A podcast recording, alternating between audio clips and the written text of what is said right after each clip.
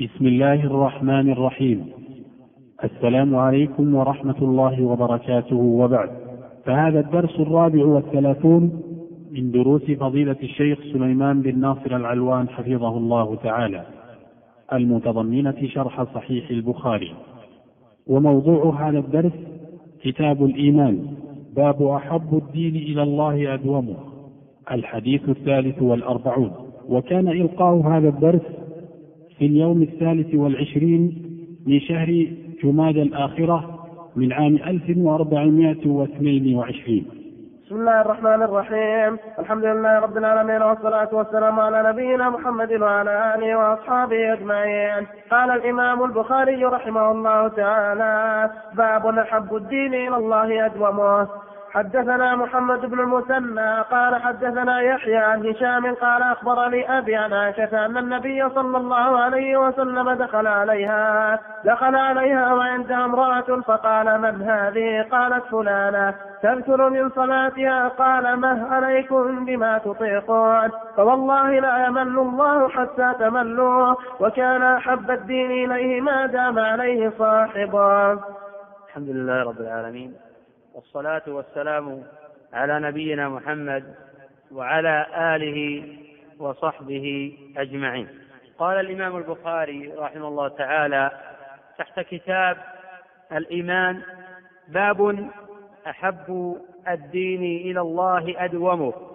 باب خبر لمبتدأ محذوف تقدير هذا باب. أحب مبتدأ أحب مضاف والدين مضاف إليه. والخبر أدومه. وقد جاءت ترجمة الباب في حديث رواه الإمام البخاري ومسلم في صحيحيهما من طريق شعبة عن سعد بن إبراهيم أنه سمع أبا سلمة يحدث عن عائشة أن رسول الله صلى الله عليه وسلم قال أو أن رسول الله صلى الله عليه وسلم سئل أي العمل أحب إلى الله؟ قال أدومه وإن قل. والمقصود بالدين هو العمل. فإن الدين يطلق على معاني كثيرة. ولا ريب أن المقصود في هذه الترجمة هو العمل. فيكون المعنى باب أحب العمل إلى الله أدومه. وهذا ما دل عليه حديث عائشة حين سئل النبي صلى الله عليه وسلم أي العمل أحب إلى الله؟ قال أدومه وإن قل. وفي هذا دلالة على أن العمل من الإيمان وأنه يزيد وينقص. وفي دلالة أن العمل القليل مع المداومة خير من العمل الكثير مع الانقطاع. وفيه إثبات صفة المحبة لله جل وعلا. وكل هذه المعاني سوف أشير إليها إن شاء الله تعالى بعد قليل. الحديث الثالث والأربعون. قال الإمام البخاري رحمه الله حدثنا محمد بن المثنى بن عبيد بن قيس بن دينار العنزي أبو موسى البصري الحافظ المعروف. وقد ولد محمد بن المثنى في السنة التي مات فيها حماد بن سلمة. على خالد متى توفي حماد بن سلمة. ولد محمد بن المثنى في السنة التي مات فيها حماد بن سلمة ولد محمد بن المثنى في السنة التي مات فيها حماد بن سلمة. سنة ست وسبعين ومائة أو العكس. العكس. أن تقول سنة ست وسبعين. أو العكس.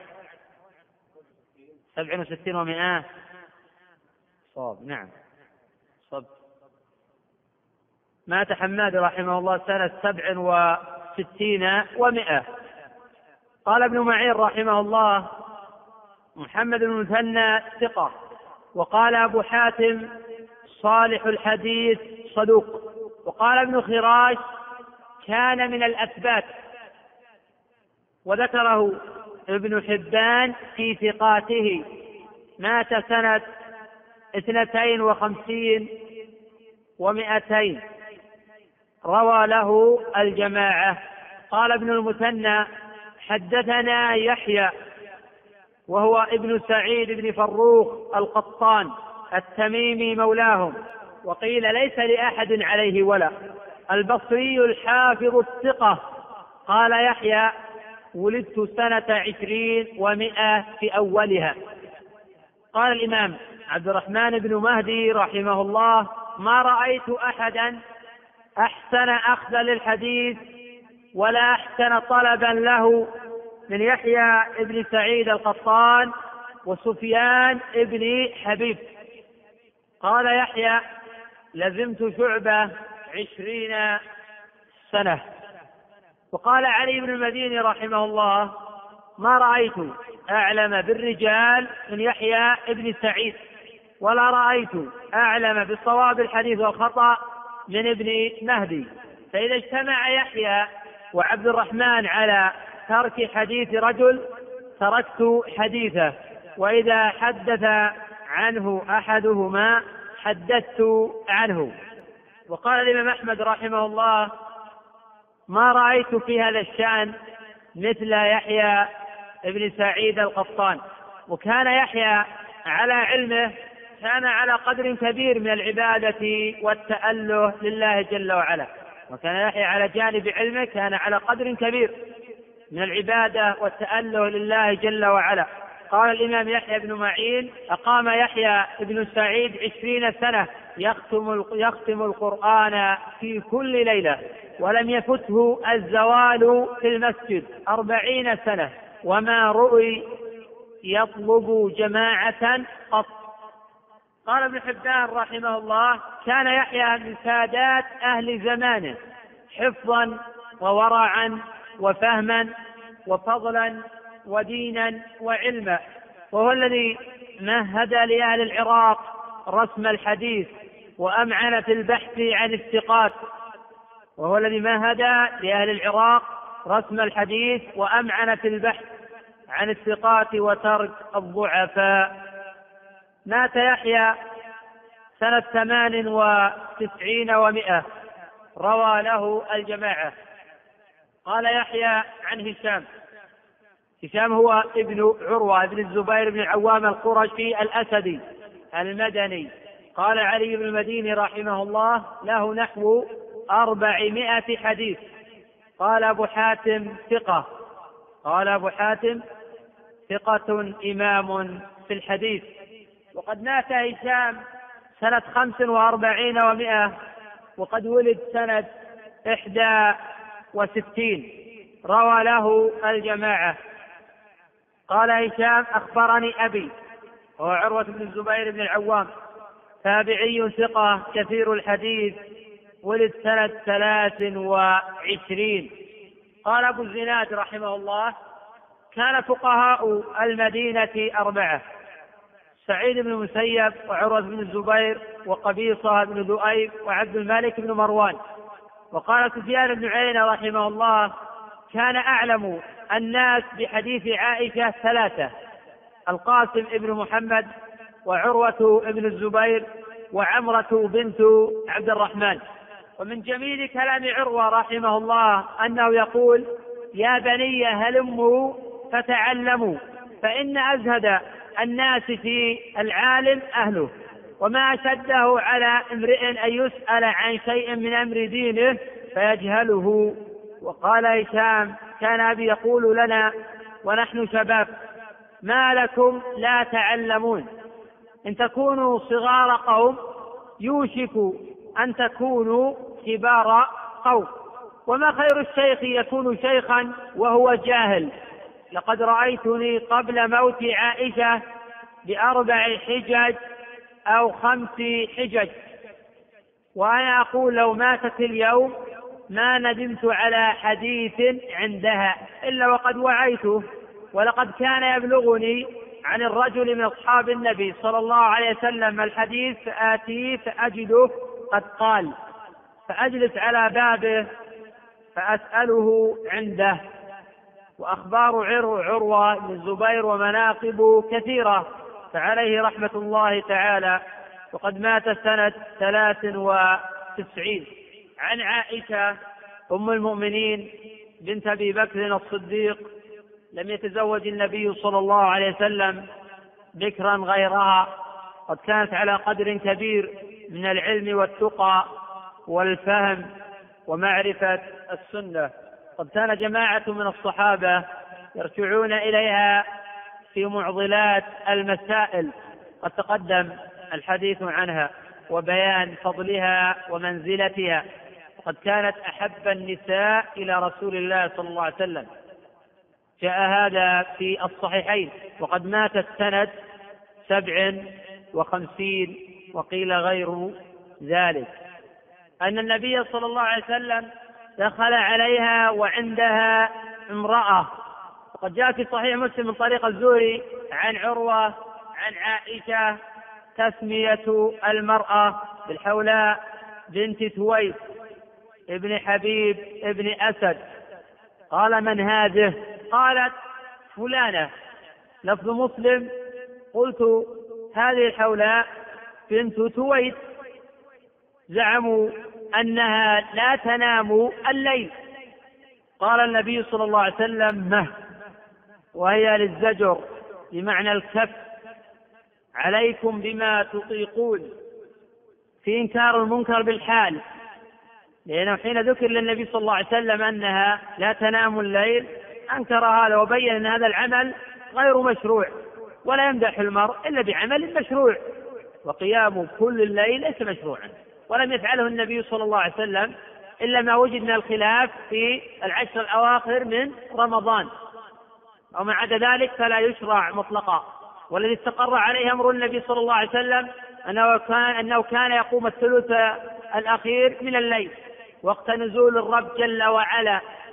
وفي الصحيحين واللفظ لمسلم عن عائشة رضي الله عنها قالت من كل الليل قد أوتر رسول الله صلى الله عليه وسلم من أوله وأوسطه وآخره حتى انتهى وتره إلى السحر. قوله عليكم بما تطيقون أي إلزموا ما تطيقون أي المداومة عليه. بما تطيقون المداومة عليه. فعمل قليل مع المداومة خير من عمل كثير مع الانقطاع. والله جل وعلا قد كلف العباد بما يطيقون. ولكن حين يخرجون عن السنة وعن تطبيقها في دنيا الواقع وعن العمل بمقتضاها يصيبهم الملل والسآمة. وهذا يؤدي بهم إلى الانقطاع عن الأعمال وعدم طاقتها. وخير الهدي هدي رسول الله صلى الله عليه وسلم وشر الأمور محدثاتها. قوله فوالله لا يمل الله حتى تملوا. فوالله في جواز الحلف على الأمور المهمة من غير استحلاف. بل قال بعض العلماء فيه مشروعية الحلف على الأمور المهمة من غير استحلاف والحلف لا يكون إلا بالله جل وعلا فمن حلف بغير الله فقد أشرك.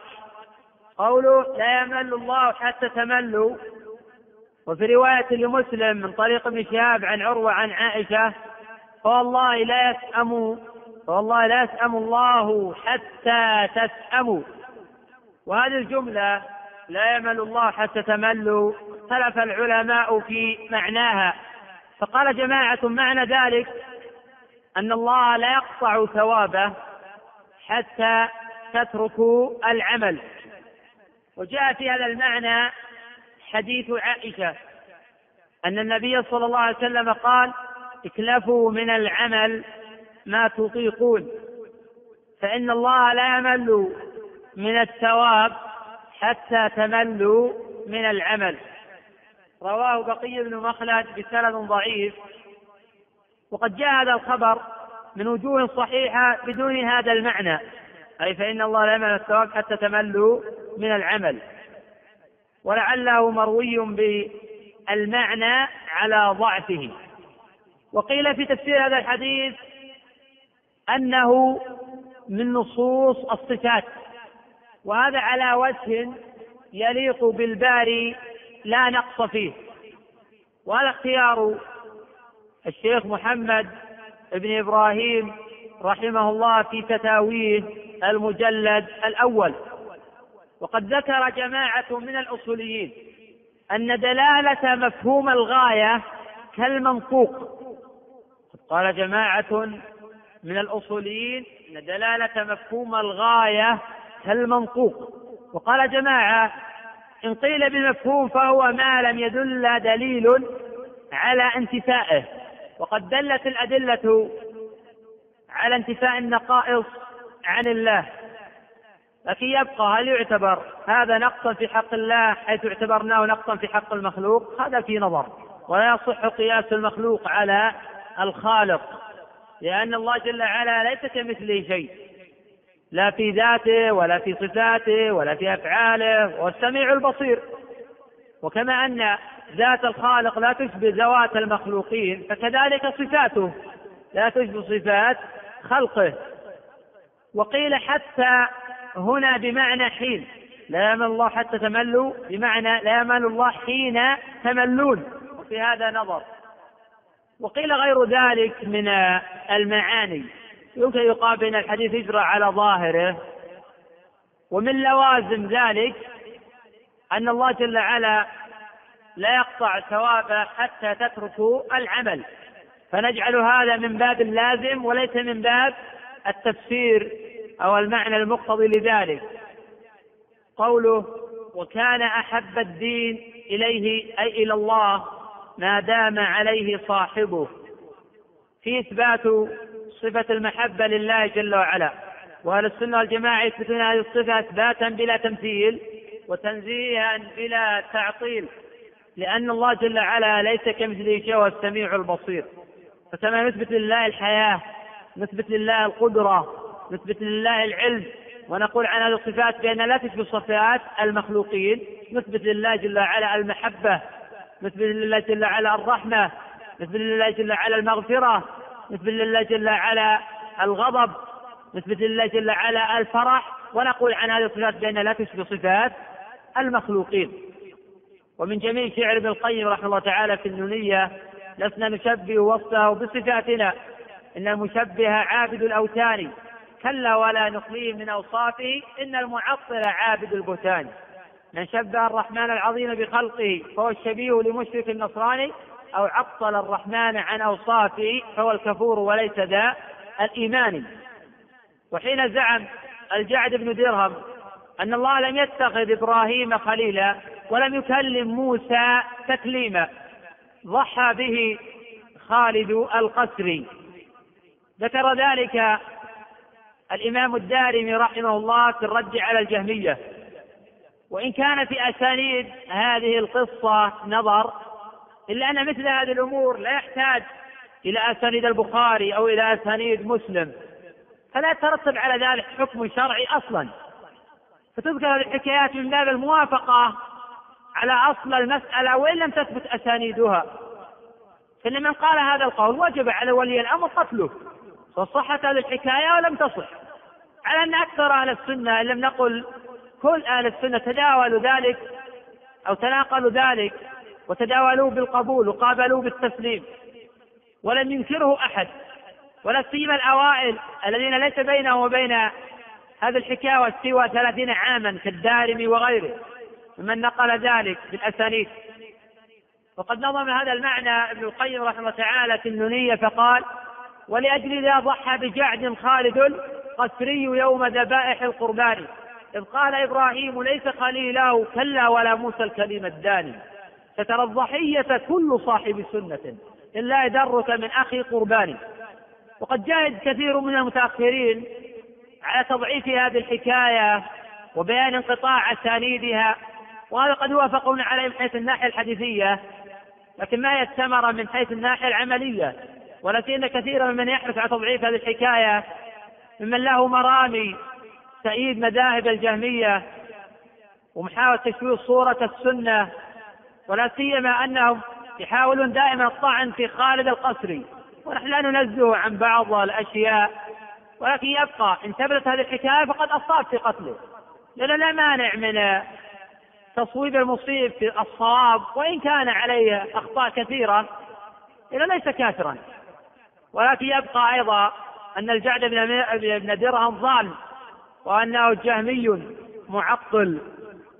وأكثر أهل العلم على تكفير الجهمية. كما أشار إلى هذا المعنى أيضا الإمام ابن القيم رحمه تعالى نقلا عن الإمام اللالكائي. لقد تقلد كفرا خمسون في عشر من العلماء في البلدان.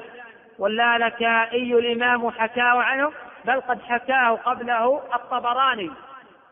وهذا تكفير للنوع وليس تكفيرا للعين إلا من قامت عليه الحجة. فمن قامت عليه الحجة فإنه يكفر بإنكار العلو والقول بخلق القرآن ونفي صفات الله جل وعلا. وقوله وكان أحب الدين إليه ما دام عليه صاحبه في فضيلة المداومة على العمل. وقد جاء في البخاري من رواية مالك عن هشام بن عروة عن أبيه عن عائشة أن النبي صلى الله عليه وسلم قال أو عن عائشة رضي الله عنها قالت كان أحب العمل إلى رسول الله صلى الله عليه وسلم الذي يدوم عليه صاحبه. ولا تنافي بين الحديثين. فإنه حين كان هذا العمل محبوبا لله صار محبوبا للنبي صلى الله عليه وسلم. فما أحبه الله وجب على العباد محبته. وأولى الناس بذلك الرسل فإنهم يحبون كل ما أحب الله.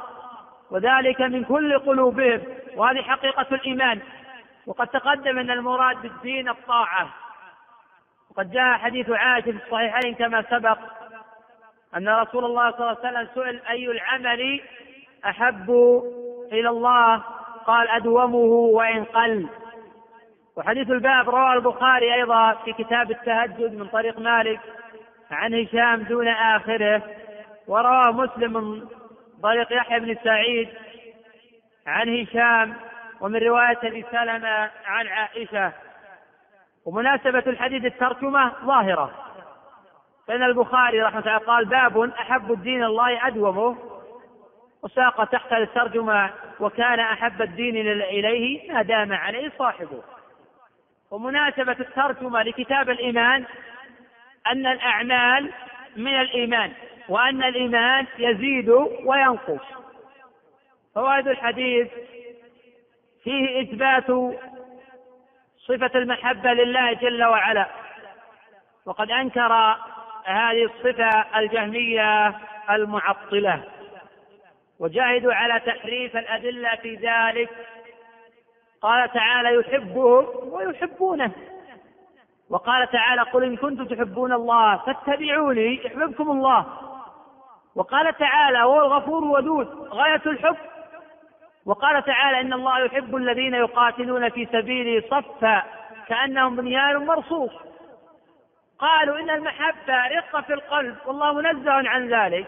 فنقول هذا قياس للمخلوق بالخالق. هذا قياس منهم للمخلوق بالخالق. وهذا عين البلاء. إذا كانوا يزعمون أنهم إذا أثبتوا المحبة فقد شبهوا المخلوق بالخالق. فذلك لجأوا إلى التعطيل فنقول لهم يلزم من إثبات صفة الحياة لله أن تكون حياة الله كحياة عباده. إذا قالوا لا يلزم نقول لا يلزم هنا لا يلزم هناك. الأشاعرة يثبتون سبع صفات لله جل وعلا ولا يثبتون صفة المحبة. الدليل الذي دلهم على نفي صفة المحبة هو الذي يمكن قلبه عليهم على نفي السبع صفات. والدليل الذي يثبتون به الصفات السبع هو الدليل الذي نثبت به الصفات الأخرى. ومن فوائد الحديث أن الأعمال من مسمى الإيمان وهذا أمر متفق عليه بين الصحابة والتابعين وخالف في ذلك المرجئة. ومن فوائد الحديث أن الإيمان يزيد وينقص. ومن فوائد الحديث أنه لا يشرع قيام كل الليل. ومن فوائد الحديث أن أفضل الأعمال ما داوم عليه صاحبه وإن قل. من فوائد الحديث أن الأعمال تتفاضل. من فوائد الحديث في وجوب اتباع السنة. وهذا معنى شهادة أن محمدا رسول الله. فلا يكفي مجرد الإخلاص. حتى تضيف إلى ذلك الاتباع. فإخلاص بدون اتباع لا يقبل العمل. واتباع بدون إخلاص لا يقبل العمل. فلا بد أن تجمع بين الإخلاص واتباع السنة. ومن فوائد الحديث مشروعية الحال في الأمور المهمة من غير استحلاف. ومن فوائد الحديث أن الله لا يمل حتى تملوا. وقد تقدم قول الأصوليين أن دلالة مفهوم الغاية كالمنطوق. وتقدم قول الشيخ محمد إبراهيم رحمه الله تعالى أن هذا من نصوص الصفات وهذا على وجه يليق بالباري جل وعلا. وتقدم قول من قال بأن المعنى لا يقطع ثوابه حتى تترك العمل وهذا اختيار ابن رجب وجماعة من أهل العلم. على قول من قال بأن هذا من نصوص الصفات يكون من اللوازم أن الله لا يقطع ثوابه حتى تتركوا العمل. فلا يكون هذا هو معنى الصفة يكون هذا من اللازم كما تقدم الإشارة إليه. ولا يقتضي هذا نقصا ولا عيبا كما سبق لأنه لا يجوز قياس صفات الخالق بصفات المخلوق. وتقدم الخلاف في ذلك وهذه المسألة ليست من المسائل التي ضلل فيها المخالف لأن أهل العلم مختلفون فيها اختلافا كثيرا. صحيح أنه قد يقال أن بعض هذه الأقوال قال بها بعض المؤولة ممن هو غير محسوب على أهل السنة. الجواب أن هذا صحيح ولكن يقال أيضا قال ببعضها ابن عبد البر وجماعة من أكابر أهل السنة. والله أعلم. نعم.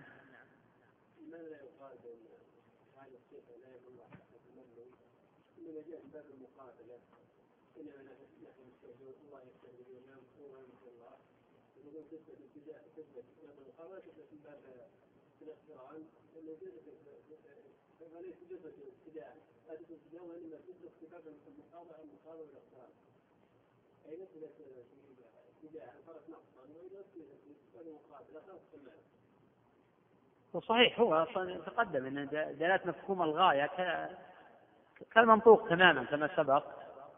وهم لا يقولون إن نثبت الملل لله جل وعلا ابتداء نقول إن الله يبعد حتى تملوا.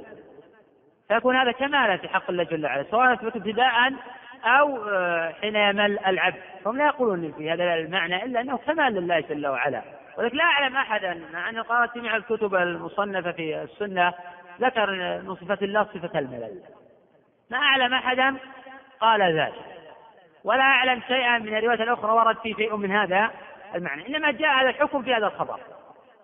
ولا ريب أن حتى هنا للغاية حتى هنا للغاية. فحينئذ يقال لا يمل الله حتى تمل حتى للغاية. فإذا وجد الملل من العبد أثبتت الصفة على رأي من يرى أنها من الصفات. هذا لا إشكال فيه ولا إشكال في أنهم حين يقولون هذا القول أنهم يريدون بذلك تعظيم الله جل وعلا ويثبتون ذلك اثباتا من وتنزيما ولا نقصا ولا عيبا لأنه لا يمكن من قياس صفة المخلوق بصفة الخالق. هذا لا يمكن ابدا. وإن كان هذا في صفه المخلوق نقصا يكون في صفه الله كمالا.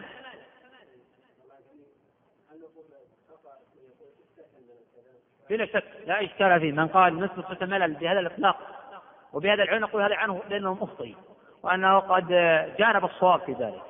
إنما إذا قيل في جانب ما تقدم ولا سيما مع قول الأصوليين السابق. نعم. لكن قلت لك لا يلزم ذلك اثبات صفه الخالق جل وعلا. قد نثبت هذا في صفة المخلوق لكن لا نثبت في صفة الخالق جل وعلا. أي نعم. حتى حتى إيش معناه هنا؟ ومعنى قول الأصوليين دلالة مفهوم الغاية كالمنطوق دلالة مفهوم الغاية كالمنطوق كقوله تعالى فلا تحل لهم بعد حتى تنكح زوجا غير إذا نكح زوجا غيره ماذا يعني؟ حلت للزوج الأول حتى للغاية. معنى ذلك حتى الغاية حتى تمل معنى ذلك إذا وجد الملل من العبد وجدت الصفة لله جل وعلا. على هذا القول من قال بهذا القول هذا واضح من, من كلامه لأنه قال دلالة مفهوم الغاية كالمنطق. دلالة مفهوم الغاية كالمنطق. ممكن هذا يعني قال ان النبي صلى الله عليه وسلم حين سأل عن هذه المرأة أخبرت عائشة رضي الله عنها عن اسمها ثم وصفت شيئا من جانب خيرها. هذا ممكن يقال وممكن لأنه ملفت للنظر أن تقوم الليل. تتنم الليل فكان عائشة وقع عندها استشكال فسألت النبي صلى الله عليه وسلم. وممكن كما قال بعض العلماء أن عائشة قال ذلك على وجه الإعجاب وعلى وجه المدح والثناء وهذا متبادر من سياق البخاري. أن عائشة رضي الله عنها قالت هذا على وجه المدح والثناء فأنكر ذلك النبي صلى الله عليه وسلم.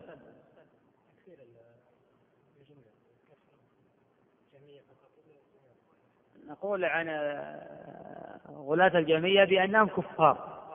لكن لازم من ذلك تكفير أعيانهم. نعم.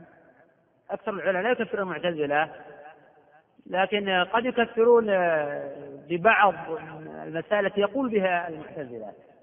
كما أن أكثر أهل السنة يكفرون بإنكار العلو. المعتزلة ينكرون علو الله على خلقه. حتى الأشاعرة ينكرون علو الله على خلقه. لكن حين وجدت الشبهة القوية لهؤلاء امتنع أهل السنة عن تكفير مذاهبهم. لكن يكفرون من قال بهذا القول الأقوال. يقولون بينما قال القرآن مخلوق فإنه كافر. مع أن المعتزلة يقولون بهذا. الأشاعرة وإن كان يقول الحكاية فهو عبارة عن القرآن مخلوق كما قول الجهمية. ولكن حين قويت شبهة الأشاعرة قويت شبهة المعتزلة آه، امتنع عن تكفير المعتزلة في الجملة. طبعا هذا أكثرهم الذين كفرهم.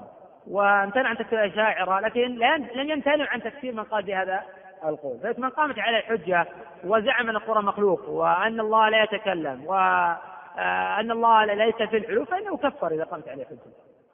نعم.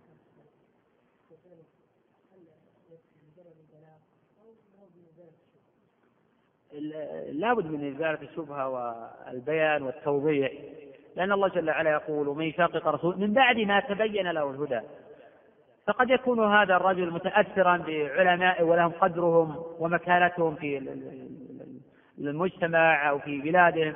قد يستدل بمكانة مثلا في إنكار العلو قد يستدل بعلم ابن حجر وجلالة قدره وعظيم منزلته. ابن حجر رحمه الله تعالى لا يثبت علو الله على خلقه. ونحن نعلم منزلة ابن حجر عند أهل السنة وعند غيرهم في علمه وفهمه ومعرفته لكن لا تؤخذ عنه هذه المسائل العقدية لأن له خلطا عجيبا فيها في مسائل العلو في مسائل صفة الرحمة في صفة الغضب وفي صفة المحبة وفي أشياء كثيرة. زل فيها قلم الحافظ رحمه الله تعالى. لكن السنة يعتذرون عنه بأنه باحث عن الحق ولم يقصد عنه هوى ولا مجادلة بالباطل ولكن لا يمنع هذا من تخطئته ونحو ذلك. فقد يأتي العام يغتر بهذا القول ويقول هو أعلم منك كيف آخذ بقولك؟ وأنت نكرة وهذا إمام علم في, في, في الأمة كلها.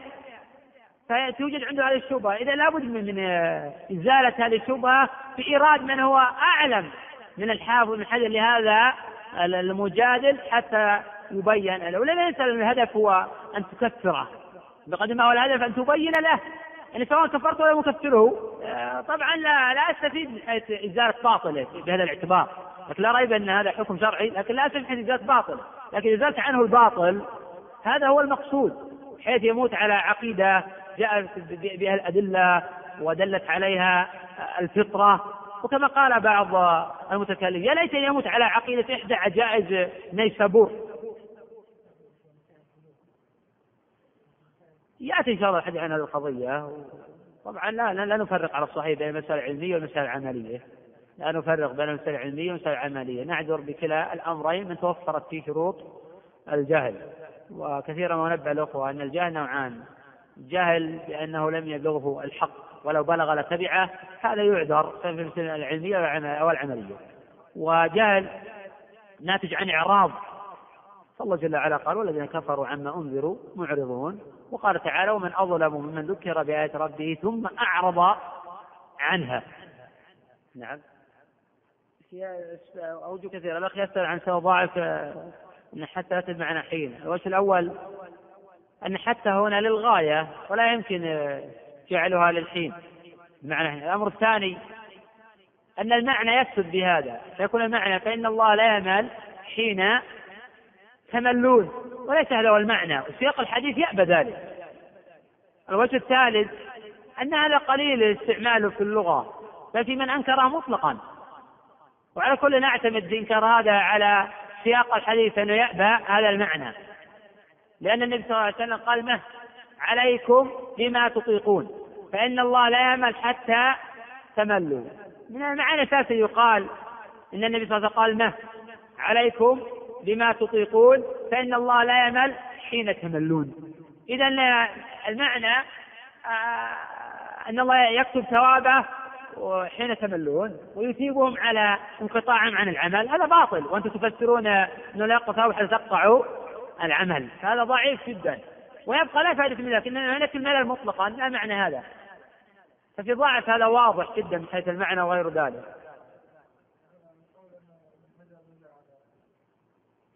هذا ليس بصحيح ولكن أنا ما أقول عن ابن حجر بأنه اشعري مطلقا كما يقول بعض طلبة العلم. فيه اشعريه في مسائل الأسماء والصفات وليس باشعري في أخبار الأحد وليس باشعري في باب الصحابة وليس باشعري في باب النبوات وليس باشعري في قضايا كثيرة. لكن آه، قد تأثر بمشايخه والأشعرية في باب الأسماء والصفات وفي التبرك وفي بعض المسائل العقدية لكن يبقى أنه مجتهد وأنه متأول في هذه المسائل التي أخطأ فيها. فيجب بيان خطأه مع الترحم عليه. أما القول بأنه رجع عن تأويل هذه الصفات هذا غير صحيح. يكفي هذا. بسم الله الرحمن الرحيم. السلام عليكم ورحمة الله وبركاته. وبعد فهذا الدرس الخامس والثلاثون من دروس فضيلة الشيخ سليمان بن ناصر العلوان حفظه الله تعالى. المتضمنة شرح صحيح البخاري. وموضوع هذا الدرس كتاب الإيمان باب زيادة الإيمان ونقصانه الحديث الرابع والأربعون. وكان إلقاء هذا الدرس في اليوم الرابع والعشرين من شهر جماد الآخرة من عام 1422 بسم الله الرحمن الرحيم. الحمد لله رب العالمين والصلاة والسلام على نبينا محمد وعلى آله وأصحابه أجمعين. قال الإمام البخاري رحمه الله تعالى باب زيادة الإيمان ونقصانه وقول الله تعالى وزدناهم هدى ويزداد الذين آمنوا إيمانا. وقال تعالى اليوم أكملت لكم دينكم فإذا ترك شيئا من الكمال فهو ناقص. حدثنا مسلم بن إبراهيم قال حدثنا هشام قال حدثنا قتادة عن أنس عن النبي صلى الله عليه وسلم قال يخرج من النار من قال لا إله إلا الله وفي قلبه وزن شعيرة من خير. ويخرج من النار من قال لا إله إلا الله وفي قلبه وزن ضرة من خير. ويخرج من النار من قال لا إله إلا الله وفي قلبه وزن ذرة من خير. قال أبو عبد الله قال أبان حدثنا قتادة قال حدثنا أنس عن النبي صلى الله عليه وسلم من إيمان مكان من خير. الحمد لله رب العالمين والصلاة والسلام على نبينا محمد وعلى آله وصحبه أجمعين. قال الإمام البخاري رحمه تعالى كتاب الإيمان باب زيادة الإيمان ونقصانه. وقد تقدم في أوائل كتاب الإيمان نظير هذه الترجمة. وقد صرح في هذه الترجمة بزيادة الإيمان ونقصانه كما ذكر هناك أن الإيمان قول وعمل يزيد وينقص. وهذا الذي اتفق عليه الصحابة والتابعون ومن بعدهم من أهل السنة.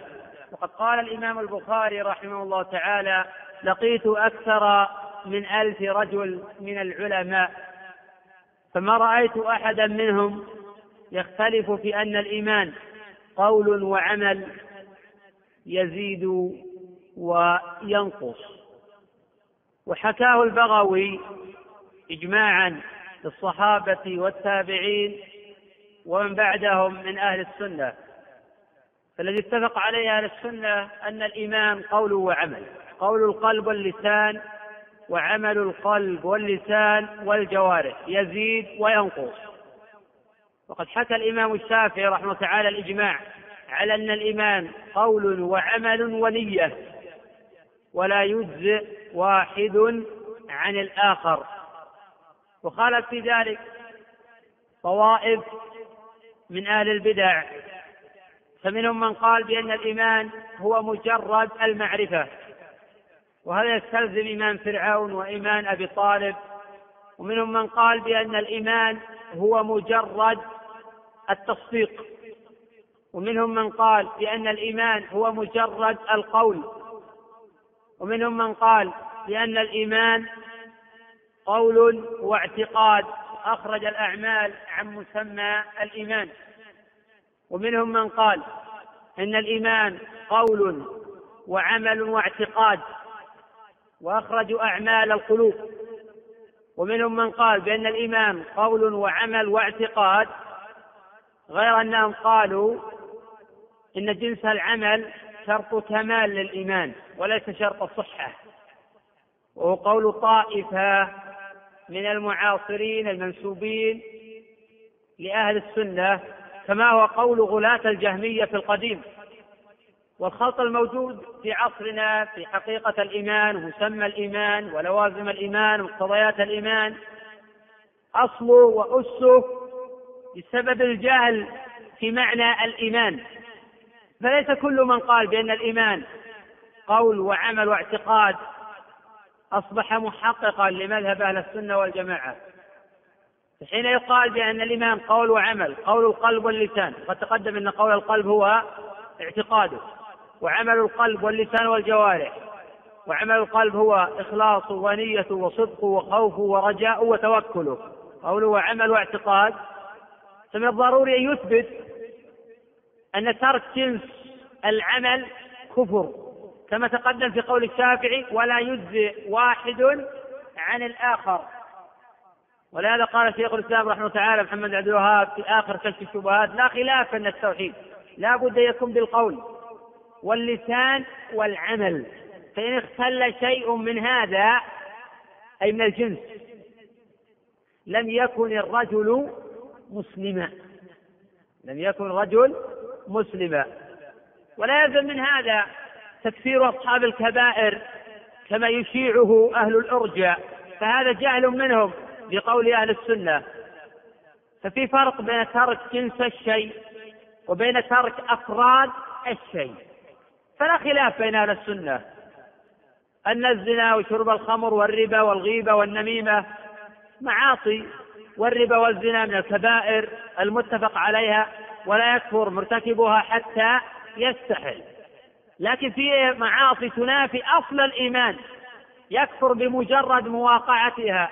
فيطوف على القبور أو ينذر لغير الله أو يذبح لغير الله أو ينادي غير الله بما لا يقدر عليه إلا الله أو ينادي الأموات الغائبين. أو غير ذلك من العبادات. فالإمام البخاري رحمه الله تعالى صرح في هذه الترجمة بزيادة الإيمان ونقصانه كما هو قول الصحابة والتابعين وأهل السنة قاطبة. وقد دلت الأدلة على ذلك. والقرآن صريح بالزيادة وما من شيء يزيد إلا وينقص. وفي بعض ظواهر الأدلة أيضا من القرآن تفيد النقص والأحاديث مصرحة بهذا. وهذا أمر في الحقيقة كما دل عليه النقل دل عليه العقل. وقد قد تقدم الحديث عن هذه القضية في أوائل كتاب الإيمان. قوله وقول الله تعالى. يكون المعنى باب زيادة الإيمان ونقصانه وقول الله تعالى. وزدناهم هدى. ويفسر هذا الهدى بثلاثة أمور. قال الله تعالى وزدناهم هدى. ويفسر هذا الهدى بثلاثة أمور. الأول بالإيمان بالله وملائكته وكتبه ورسله ونحو ذلك من الاعتقادات القلبية. ويفسر أيضا الأمر الثاني في أعمال القلوب. من الحب والخوف والرجاء والرهبة والخشية والمحبة ونحو ذلك. الأمر الثالث بأعمال الجوارح من الصلاة والزكاة والصيام والحج ونحو ذلك. فقوله جل وعلا وزدناهم هدى يحتمل كل هذه الأمور. ففي هذا دليل على زيادة الإيمان في أصله وغيره في الأمور الاعتقادية وفي أعمال القلوب وفي أعمال الجوارح. والناس يتفاوتون في الإيمان أعظم من تفاوتهم في خلقهم وصورهم فالرسل أفضل من الأنبياء وهم يتفاضلون في الإيمان. كما قال الله جل وعلا تلك الرسل فضلنا بعضهم على بعض. والأنبياء يتفاضلون بالإيمان بعضهم أفضل من بعض.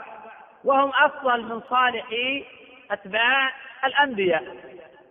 وأفضل أتباع الأنبياء أبو بكر الصديق رضي الله عنه.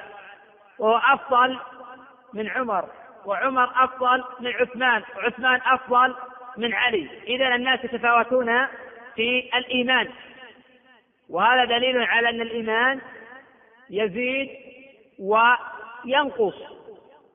وقوله جل وعلا ويزداد الذين آمنوا إيمانا. وهذه الزيادة قد تكون في كل الأمور المتقدمة وقد تكون في بعضها. فقد يزداد تصديقهم وهذا من الإيمان. وقد يزداد عملهم وهذا من الإيمان. وقد يزدادون إيمانا في أعمال القلوب وهذا من الإيمان. وهذا جلي لمن حقق معنى الإيمان أو لمن عرف حقيقة الإيمان لأنه قول وعمل قول القلب واللسان وعمل القلب واللسان والجوارح وكثيرا ما أنبه على أن هذا التعريف أحسن من قول من قال بأن الإيمان قول باللسان واعتقاد بالجنان وعمل بالأركان هذا التعريف وإن قاله بعض أهل السنة كأبي ثور وجماعة إلا أنه ينقص أعمال القلوب لأنه قال قول باللسان واعتقاد بالجنان وين عمل القلب؟ لا يذكره وعمل بالأركان يعني الجوارح بينما التعريف الذي ذكرته لكم هو الذي اتفق عليه أهل السنة وحكاه الشافعي وحكاه البخاري وجماعة عن عامة الصحابة والتابعين وأهل السنة قول وعمل. قول القلب واللسان وعمل القلب واللسان والجوارح.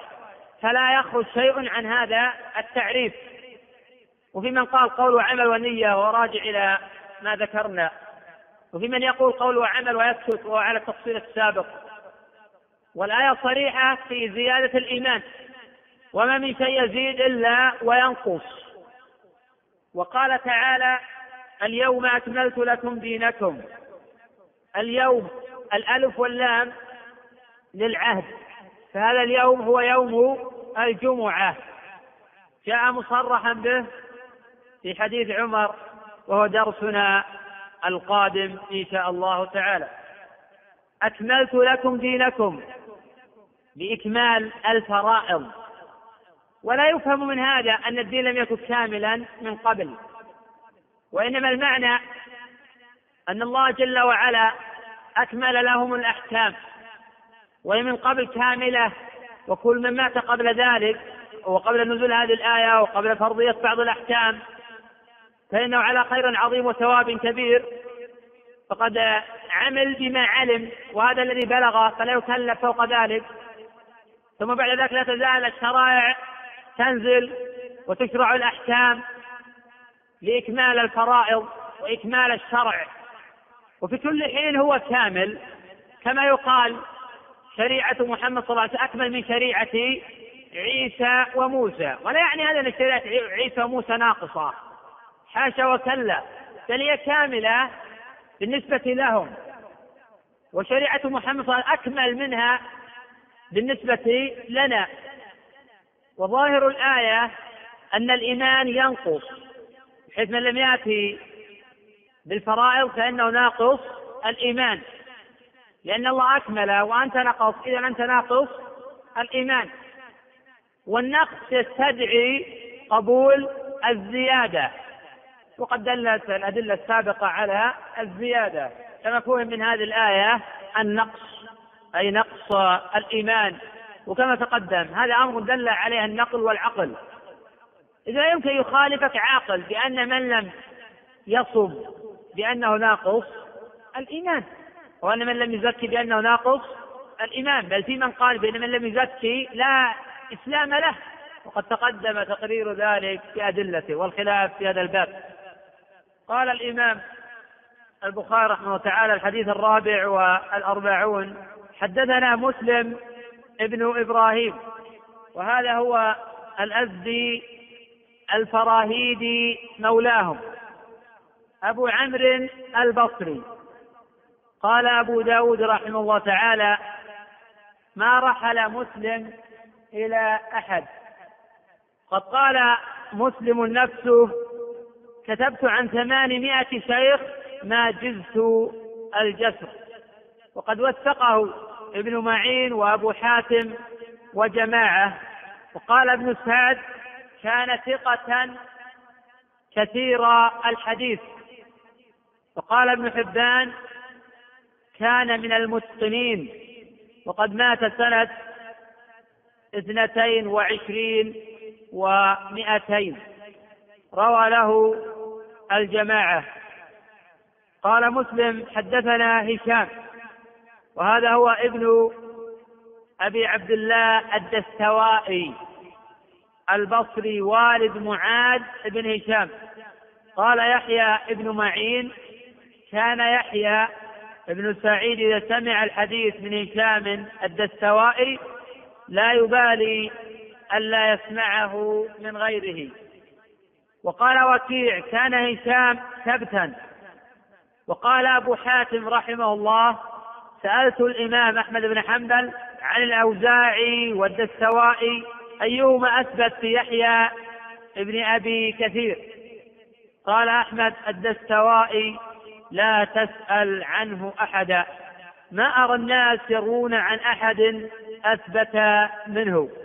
مثله عسى وأما أثبت فلا. أي مثل عسى أن يوجد.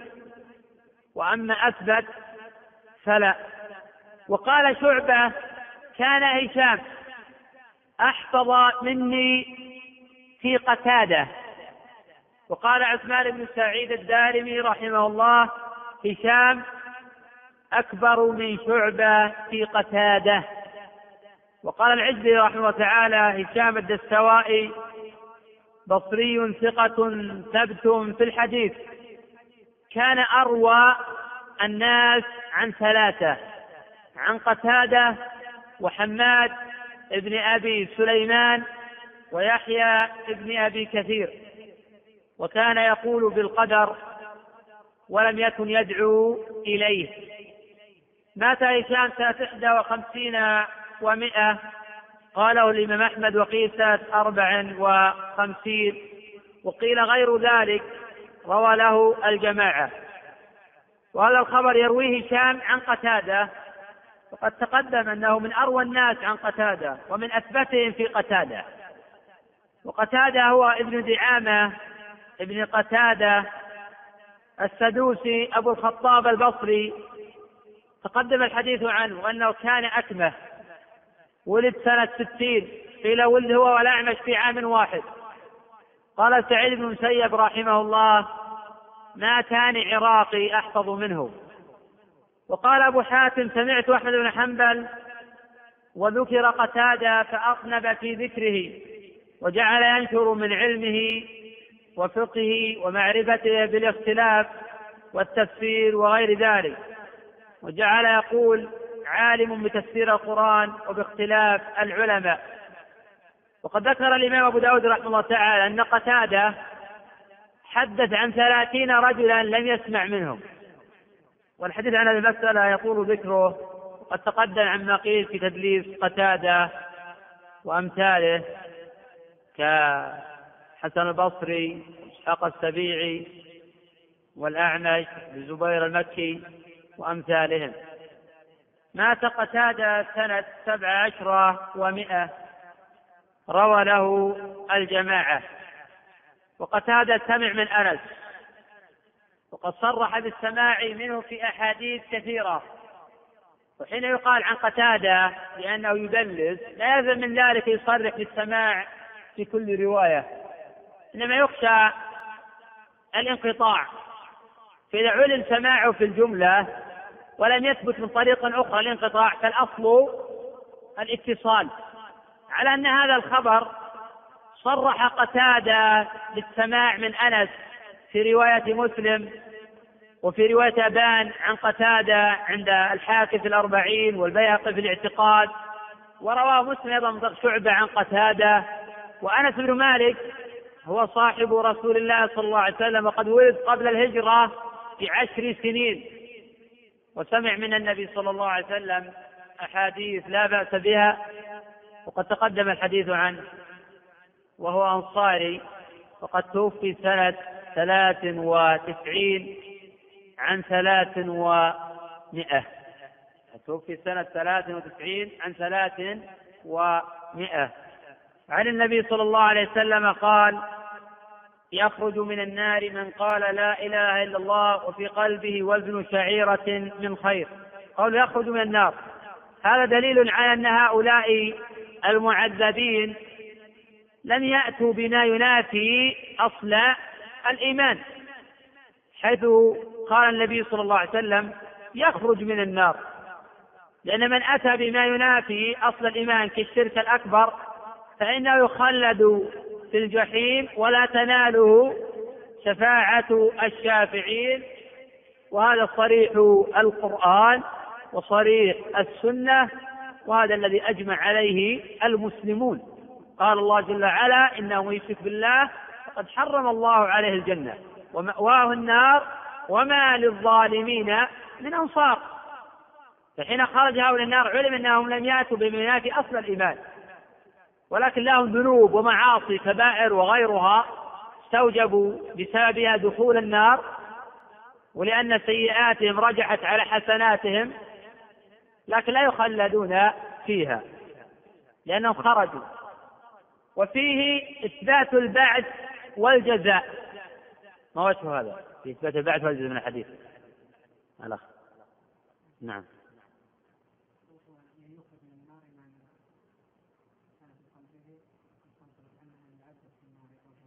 إثبات البعث والجزاء نعم. نعم. لك إثبات البعث والجزاء.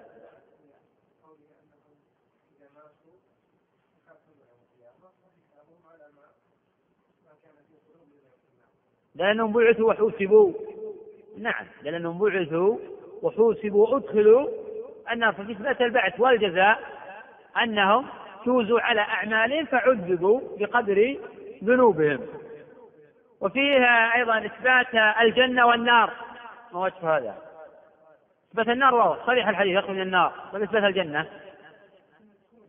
إذا خرجنا يذهب إلى الجنة ولأن الله حكم عدل.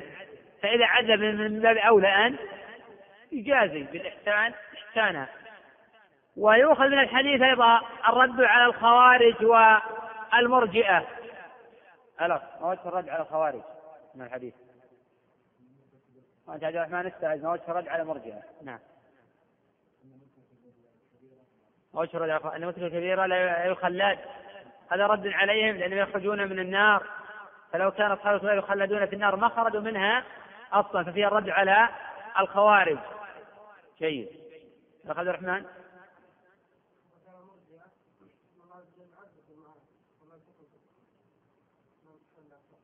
اي نعم. وجه الرد على المرجئه أن هؤلاء عذبوا بمعاصيهم ولم تكن هذه المعاصي ناقلة عن الملة. لو كانت ناقلة عن الملة لما خرجوا من النار أصلا. كلما خبت الكفار كلما خبت نار قال الله كلما خبت زدناهم سعيرة. لابثين فيها أحقابا. كلما مضى حقب أتى حقب آخر.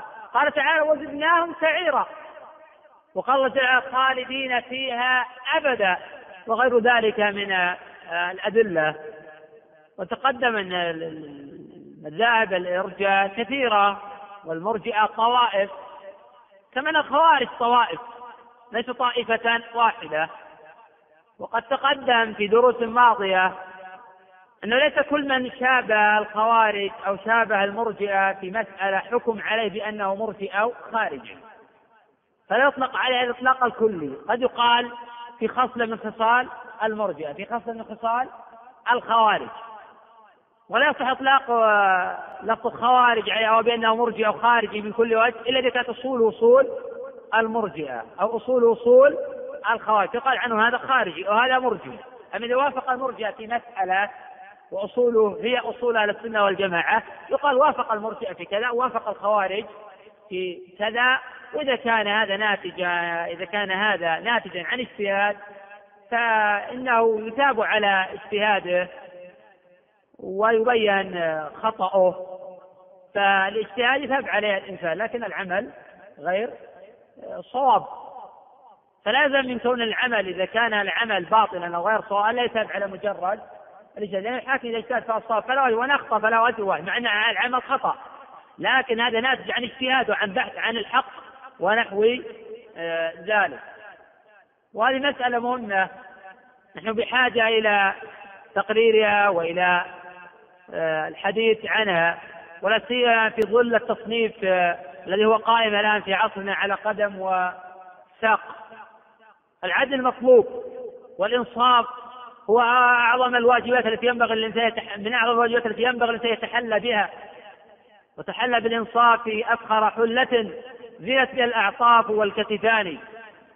ولا سيما حين الرد على الآخرين فإن بعض الناس يغيب عنه آه، العدل ويغيب عنه الإنصاف تغيب عنه الرحمة. وهذه الأمور لا بد من توفرها في من أراد الحديث عن الآخرين سواء عن الأفراد. أو عن الجماعات أو غير ذلك. وذلك ليكون الدين كله لله. ثم ماذا تستفيد أن تنصر الحق وفعلك باطل أو ما فيه إخلاص؟ النبي صلى الله عليه وسلم قال إن الله لا يؤيد هذا الدين بالرجل الفاجر. فقد ينتصر الدين على يديك وأنت من أهل النار. إن الله لا يؤيد هذا الدين بالرجل الفاجر. وهذا حديث من رواه؟ من رواه. من رواه. من رواه. من رواه. من رواه أخذ عثمان فقط؟ نعم متفق على صحته. وفي الحديث أيضا الرد على القدرية. قوله يخرج من النار من قال لا إله إلا الله.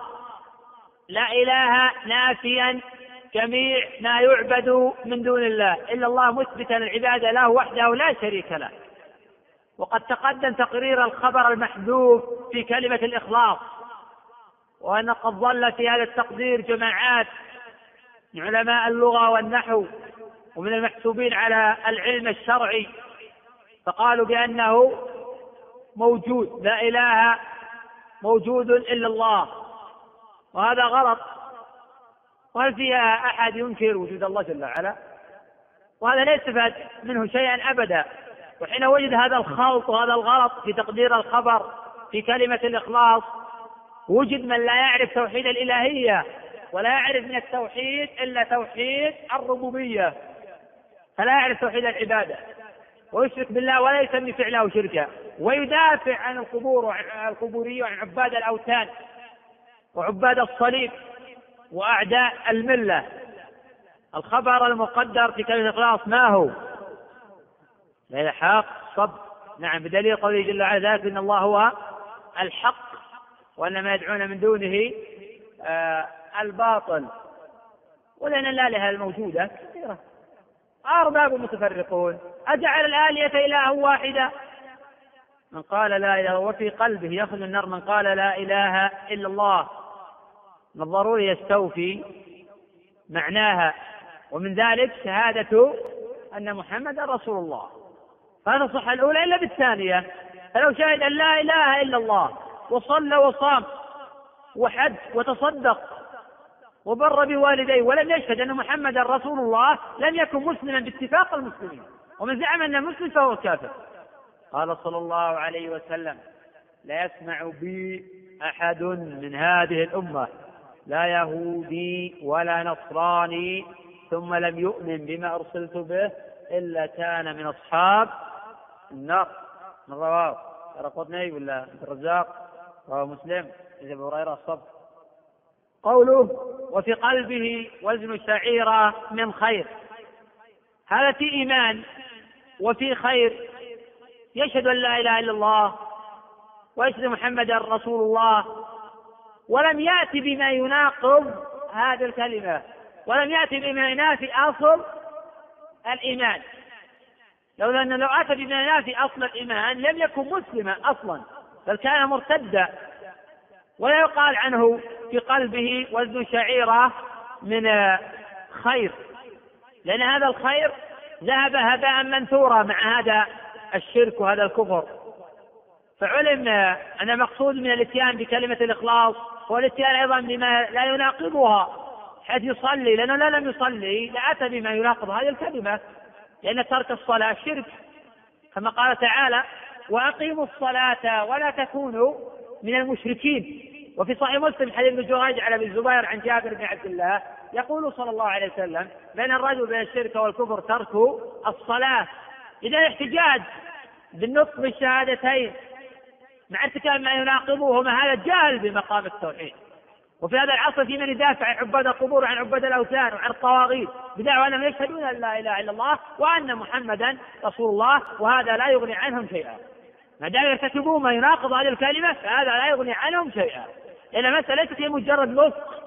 إذا نرجع إلى قول الكرامية بأن الإيمان هو القول وليس مجرد اعتقاد. إذا نرجع إلى قول غلاة الجهميه قول وعمل واعتقاد. قول القلب واللسان عمل القلب واللسان والجوارح. وكما قال السلف فيما تقدم تعريف الإيمان اي قول وعمل ونية. ولا يجزي واحد عن الآخر فلا يجزي واحد عن الآخر. فإذا ترك الجزء صار كافرا. قوله ويخرج من النار. من قال لا إله إلا الله في قلبه وزن برة من خير. البرة هي القمحه وهي دون وزن الشعيرة. فلا يخلد بالجحيم وفي النار إلا من حبسه القرآن ومن الكفره والمشركون. هؤلاء لا يجوز الدعاء لهم ولا الاستغفار لهم. ما كان للنبي والذين امنوا يستغفروا للمشركين. ولا يجوز أداء الصلاة الغائب عليهم لأنهم كفر مشركون أو منافقون. قوله ويخرج من النار من قال لا إله إلا الله وفي قلبه وزن ذرة من خير. قال أبو عبد الله البخاري رحمه تعالى قال أبان حدثنا قتادة حدثنا أنس عن النبي صلى الله عليه وسلم. في هذه الرواية صر قتادة بالسماع من أنس وقال من إيمان مكان من خير. وهذه الرواية أبلغ في الرد على المرجئة لأنه جعل الأعمال من الإيمان. وهذه الرواية قدم الإشارة إلى من وصلها وقد وصلها الحاكم في الأربعين والبيهقي في الاعتقاد.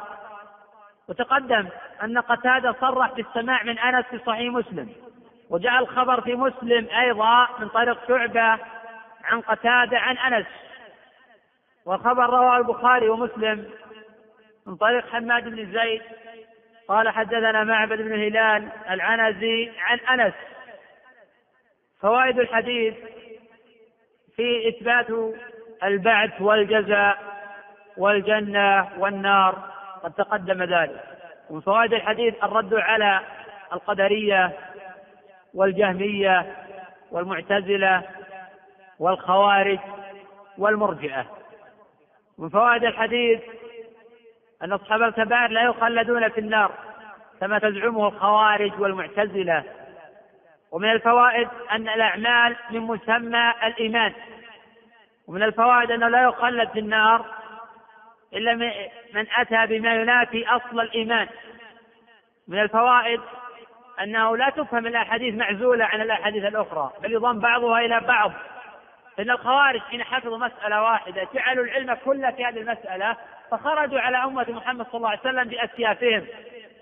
ويقول لا حكم إلا لله كلمة حق أريد بها باطل.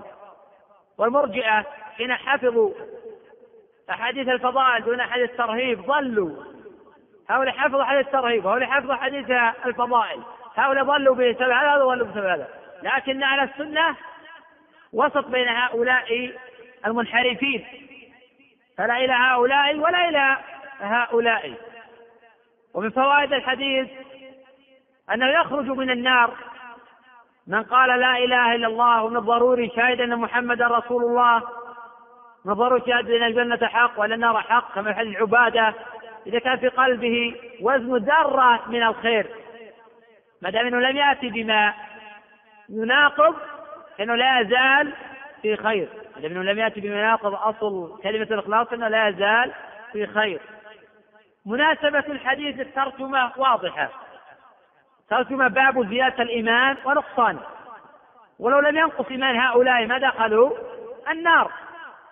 الحديث صريح فيما ترجم له البخاري رحمه الله تعالى.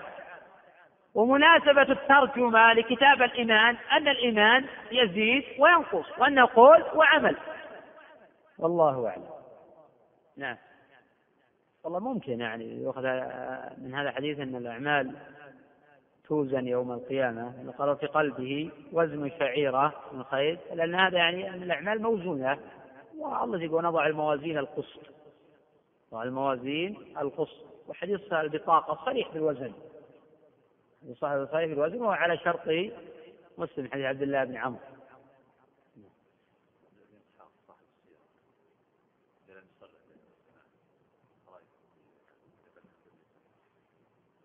الإمام محمد بن إسحاق رحمه الله تعالى وصف بالتدليس.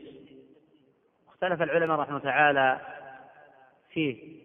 قبل الحديث عن تدليسه الحديث عن مرتبته. وفي من ضعفه وفي من وثقه الصحيح التفصيل في أحاديث محمد بن إسحاق. فلا نقبل مطلقا ولا نرفض مطلقا. فإذا روى ما يوافقه غيره فهو مقبول. سواء عن عن أم لا. لأن عنعنة المدلس غير مؤثرة على الصحيح حتى يثبت انقطاع. النوع الثاني أن يروي أحاديث في الفضائل وفي السيرة. الصحيح أنه مقبول. الأمر الثالث أن يتفرد بحديث أصل في الأحكام أو يروي ما لم يروي غيره في الأصول أو يروي ما يخالف غيره منه أوثق منه. فحينئذ في كل هذه الأمور لا يقبل حديثه. فإننا نرفض ونضعفه فيما رواه. عن أبي عبيدة بن عبد الله بن زمعة عن أبي وعن أمه عن أم سلمة أن النبي صلى الله عليه وسلم قال إن هذا يوم رخص لكم فيه إذا رميتم جمرة العقبة أن تحلوا. فإذا غربت الشمس ولم تطوفوا بالبيت عدتم حرما كما بدأتم. هذا الحديث أصل تفرد به إسحاق فلا يقبل. تابع ابن لهيعة غير أن لهيعة ضعيف الحديث فلا يعتبر به. ولا سيما في مثل هذه المسألة التي لو تفرد بهذا الخبر منه هو أوثق من إسحاق لضعف مثل هذه المسائل لا يقبل فيها تفرد كل شخص لابد أن يكون المتفرد حافظ وعرف تفرده أو من عرف تفرده وعرف ضبطه ونحو ذلك. وأما بالنسبة لتدليس ابن إسحاق فهو كغيره من المدلسين ليس من المكثرين. والمدلس الذي لم يكن مكثرا تقبل عنعنته ولا تلازم بين العنعنة وبين التدليس. فقد يعنعن ولا يدلس وقد يصرح بالسماع وهو قد دلس. قد تقدم مرارا أن المدلس المقل يقبل حديثه مطلقا صرح أو لم يصرح لأن الأصل السماع ما لم يثبت الانقطاع. وأما إذا كان المدلس مكثرا من التدليس فهذا أيضا لا يرد مطلقا ينظر في حديثه ويعتبر في ذلك القرائن. وهل هو مكثر عن كل الرواة أو عن راوي دون راوي؟ فالمسألة فيها تفصيل. الله أعلم. نعم. قوله جل وعلا تلك الرسل فضلنا بعضهم على بعض. لا تنافي بينه وبين آه، قول الله جل وعلا نفرق بين أحد من الرسل لأن هذا إذا كان التفضيل على وجه التنقص للآخرين أو بدون علم أو على وجه الهوى والعصبية ونحو ذلك هذا غلط. ومن هذا قوله صلى الله عليه وسلم آه، حين نهى عن تفضيل الأنبياء بعضهم على بعض لا تفضلوني. وهذا يدل على إن على تواضعه صلى الله عليه وسلم. لهو بلا شك سيد ولد آدم.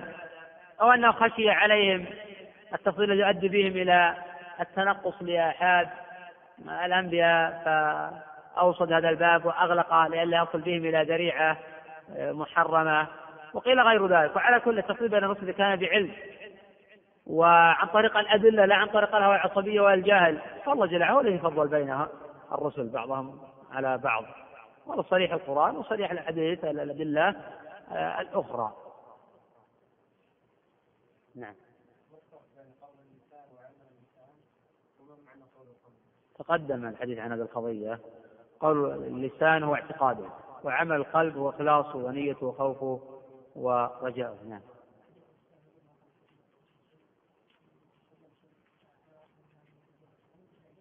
إذا تاب الإنسان وأسلم وتاب من كل الذنوب والمعاصي فإن الإنسان يجب ما قبله. قيل إذا عاد إلى هذه الذنوب أخذ بالأول والثاني.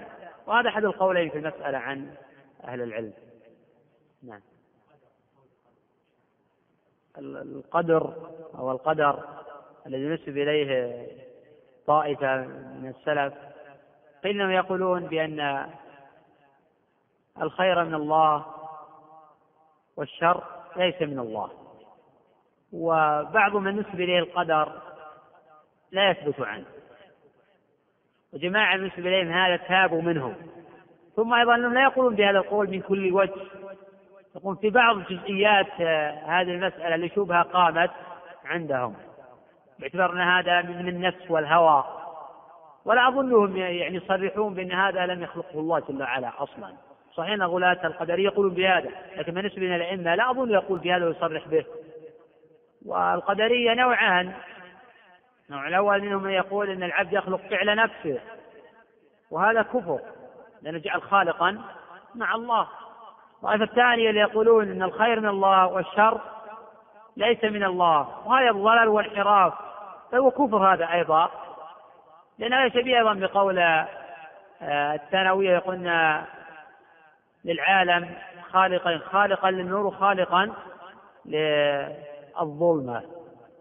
فالخير من الله وهو النور والشر ليس من الله. طيب من خلق الشر؟ هذا فيه ضلال عظيم وانحراف. ولكن إذا صدر هذا من أحد العلماء يعتذر له بالتأويل ويرجع إلى القاعدة السابقة. إن كانت أصول أصول أهل السنة مزلة في مسألة له حكم. وما كانت أصول أصول أهل البدع فله حكم آخر. من ذا الذي ترضى سجايا كلها كفى المرأة نبلا أن تعد معايبه. يكفي هذا. بسم الله الرحمن الرحيم. السلام عليكم ورحمة الله وبركاته وبعد. فهذا الدرس السادس والثلاثون من دروس فضيلة الشيخ سليمان بن ناصر العلوان حفظه الله تعالى. المتضمنة شرح صحيح البخاري. وموضوع هذا الدرس كتاب الإيمان. الحديث الثاني من باب زيادة الإيمان ونقصانه وكان إلقاء هذا الدرس في اليوم السابع والعشرين من شهر جماد الآخرة من عام 1422 بسم الله الرحمن الرحيم. الحمد لله رب العالمين والصلاة والسلام على نبينا محمد وعلى آله وأصحابه أجمعين. قال المؤلف رحمه الله تعالى حدثنا الحسن بن الصباح سمع جعفر بن عون قال حدثنا أبو الأمية قال أخبرنا قيس بن مسلم عن طارق بن شهاب عن عمر بن الخطاب أن رجلا من اليهود قال له يا أمير المؤمنين آية في كتابكم تقرؤونها لو علينا معشر اليهود نزلت لاتخذنا ذلك اليوم عيدا. قال أي آية؟ قال اليوم أكملت لكم دينكم وأسلمت عليكم نعمتي ورضيت لكم الإسلام دينا. قال عمر قد أرسنا ذلك اليوم والمكان الذي نزلت فيه على النبي صلى الله عليه وسلم وهو قائم بعرفة يوم جمعة الحمد لله رب العالمين والصلاة والسلام على نبينا محمد وعلى آله وصحبه أجمعين. قال الإمام البخاري رحمه الله تعالى باب زيادة الإيمان ونقصانه. الحديث الخامس والأربعون. قال البخاري رحمه الله تعالى حدثنا الحسن ابن الصباح. الحسن بن الصباح ابن محمد البزار أبو علي الواسطي ثم البغدادي. حتى الإمام أحمد رحمه الله على الكتابة عنه. وقال ثقة صاحب سنة. وقال أبو حاتم رحمه الله تعالى صدوق. وكانت له جلالة عجيبة في بغداد. كان أحمد بن حنبل يرفع من قدره ويجله. وذكره ابن حبان في ثقاته. وقال مات سنة تسع وأربعين ومئتين. وقد خرج له البخاري والنسائي وأبو داود. الحسن بن الصباح سمع جعفر بن عون.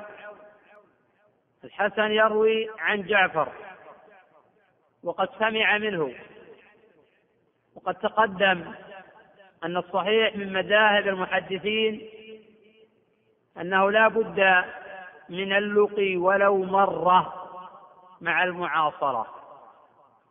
فمجرد المعاصرة لا تكفي فإن الراوي قد يعاصر الآخر ولا يسمع منه. إذا لا بد أن يصرح بالسماع ولو مرة واحدة. جعفر بن عون ابن جعفر ابن عمرو بن حريث القرشي المخزومي. أبو عون الكوفي. روى عن ابن جريج وهشام بن عروة ويحيى بن سعيد الأنصاري.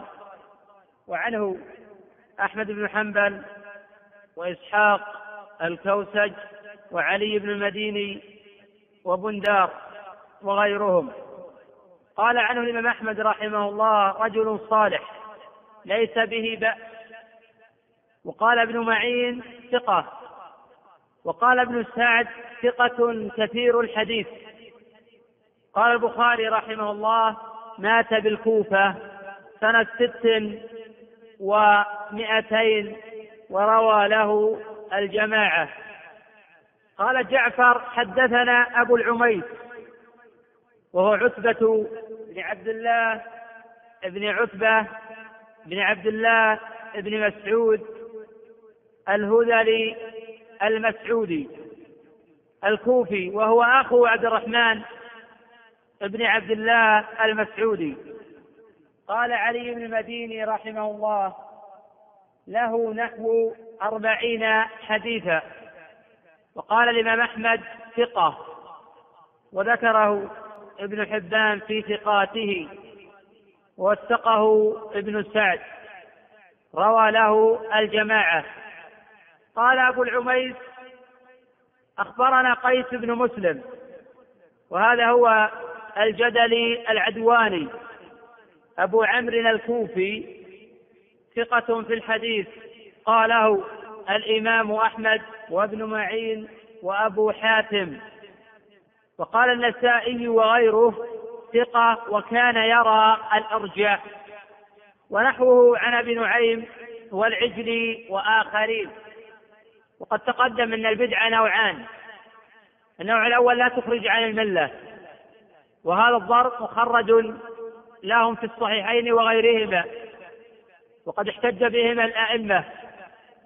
سواء كانت البدعة بدعة الإرجاء أو بدعة الخوارج أو بدعة التشيع أو بدعة القدر.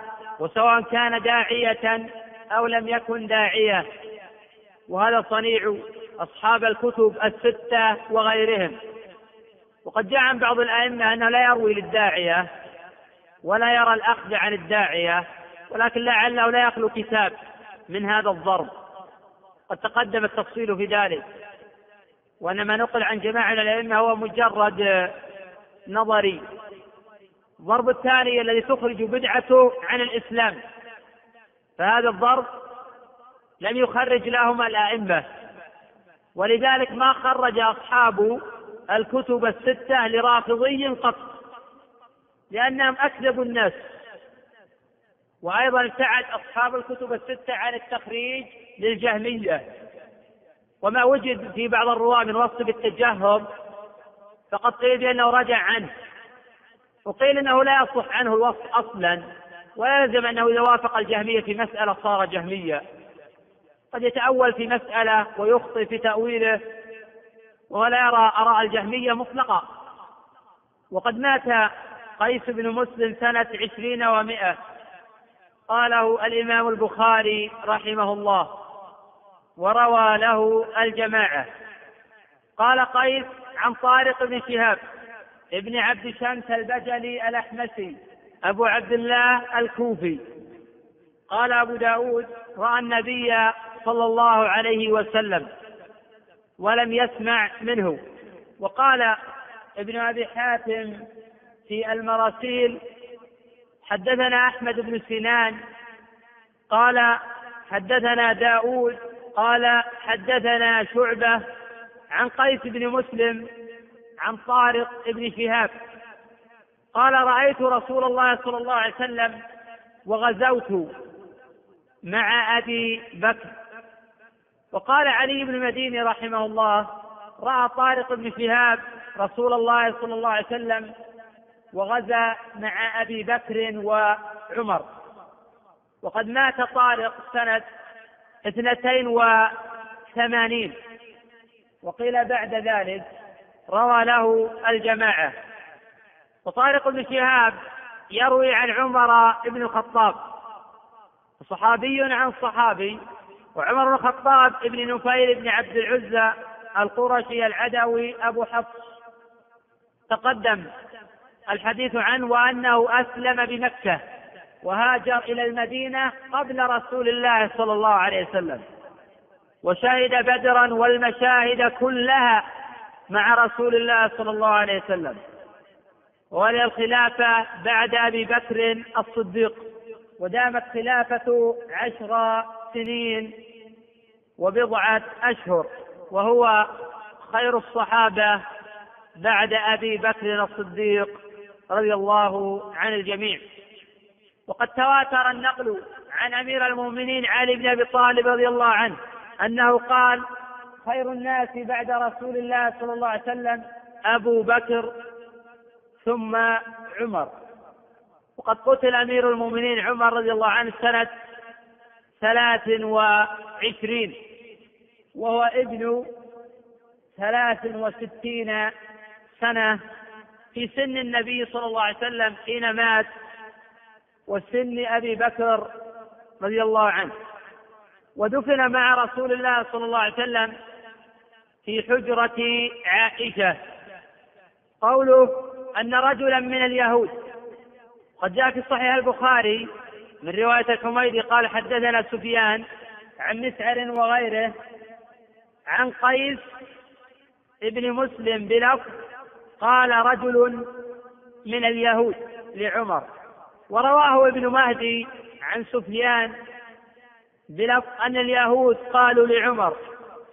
رواه البخاري ومسلم. ورواه محمد بن يوسف عن سفيان بنحو رواية عبد الرحمن بن مهدي.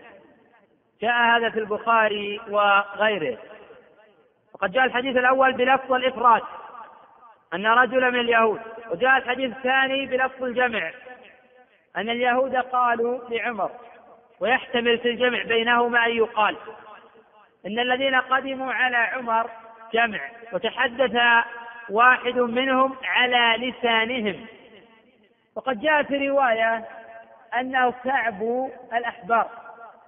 فهو الذي قال لعمر يا أمير المؤمنين آية في كتابكم. هذا رواه الطبري وغيره. فإن صحت هذه الرواية فيقال بنحو ما تقدم أن كعبا تحدث بلسان الجميع وكانوا حاضرين. قوله أن رجلا اليهود قال له يا أمير المؤمنين فيه الإنصات لليهود حين يتحدث وفيها الجواب على الاستفسار وفي حسن الأدب والاستماع إلى اليهود والنصارى أو إلى غيرهم من البدع والمنحرفين والمشبهين هو على أحد أمرين.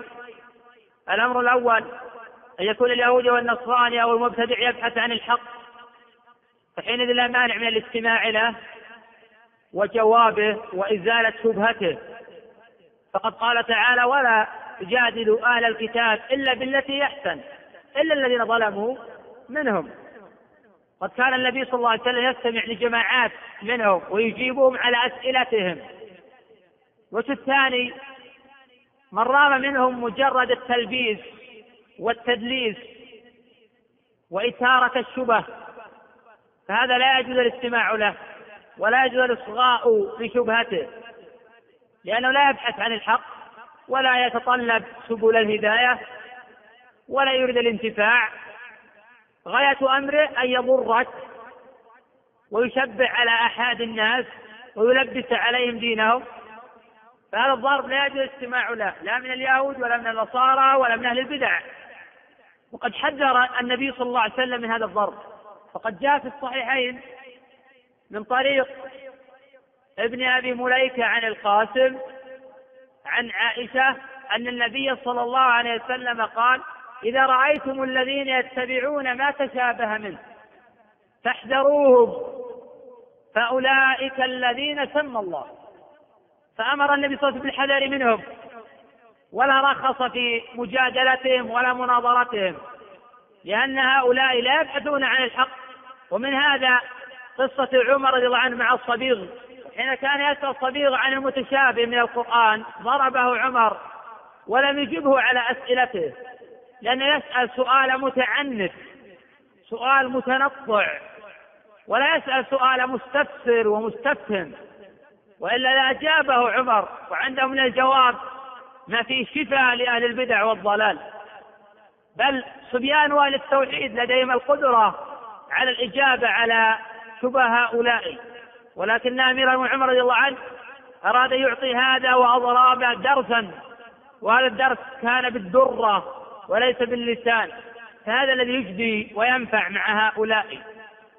لأنهم لا يصغون إلى حجج الله ولا إلى بيناته ولا يبحثون عن الحق.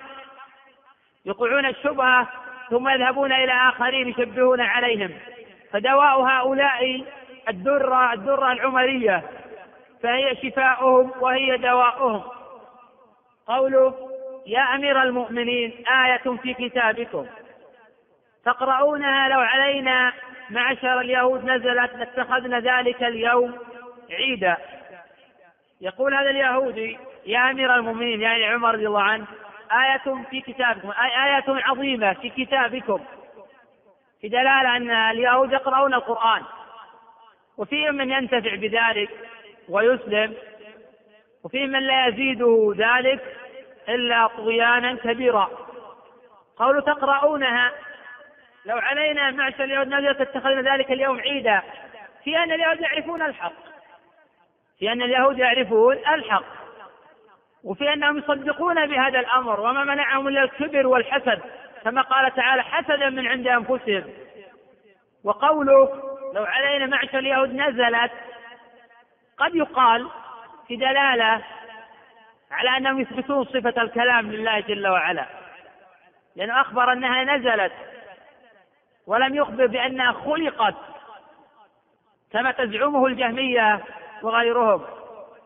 وفي دلالة أنهم يعتقدون صدق الرسول صلى الله عليه وسلم. وفي دلالة أنهم يعتقدون صدق الرسول صلى الله عليه وسلم. لأنه كانوا يعتقدون كذبة ما اعتقدوا صدق نزول هذه الآية. وهذا واضح جلي. قال عمر رضي الله عنه أي آية؟ أي تعني أو تقصد؟ قال اليوم أكملت لكم دينكم وأتممت عليكم نعمتي ورضيت لكم الإسلام دينا. اليوم الألف واللام للعهد الحضوري. اليوم الألف واللام للعهد الحضوري. وهذا اليوم هو يوم الجمعة فإن هذه الآية نزلت على النبي صلى الله عليه وسلم يوم عرفات الذي وافق يوم الجمعة. أكملت لكم دينكم. تقدم أن المقصود بقول الله جل وعلا دينكم بإكمال الفرائض. وتقدم من قبل. أن الدين قبل نزول هذه الآية لم يكن ناقصا بل كان كاملا. والنقص إنما هو بالنسبة إلى الزمن الذي جاء بعده حيث تجددت الأحكام. فإن شرائع الإسلام شرعت بالتدرج والدين ظهر شيئا فشيئا وأحكام شرعت على فترات وهو في هذه الفترات كامل وليس بناقص. ولا يصح إطلاق النقص على الدين إلا على وجه مقيد. كقوله صلى الله عليه وسلم ما رأيت من ناقصات عقل ودين. وخلاصة الأمر أن الأمر أن قوله أن قوله جل وعلا اليوم أكملت لكم دينكم. لا يعني أنه ناقص من قبل فإنه كامل. وهذه أحكام شرعت فيما بعد. ليست تكميلا للنقص. والمقصود من إكمال الدين هو إكمال الفرائض. ولهذا قال السدي رحمه الله إنه لم ينزل بعد هذه الآية شيء من الحلال ولا الحرام. قوله ورضيت لكم الإسلام دينا إثبات صفة الرضا لله جل وعلا. وقد قال تعالى رضي الله عنهم ورضوا عنه وقال تعالى ورضوان من الله أكبر وأهل السنة يثبتون ما جاء عن الله وما جاء عن الرسول صلى الله عليه وسلم في الأسماء والصفات إثباتا بلا تمثيل وتنزيها بلا تعطيل. لأن الله جل وعلا ليس كمثله شيء لا في ذاته ولا في صفاته ولا في أفعاله وهو السميع البصير. هل تعلم له سميا؟ فلا تضربوا لله الأمثال. إن الله يعلم وأنتم لا تعلمون.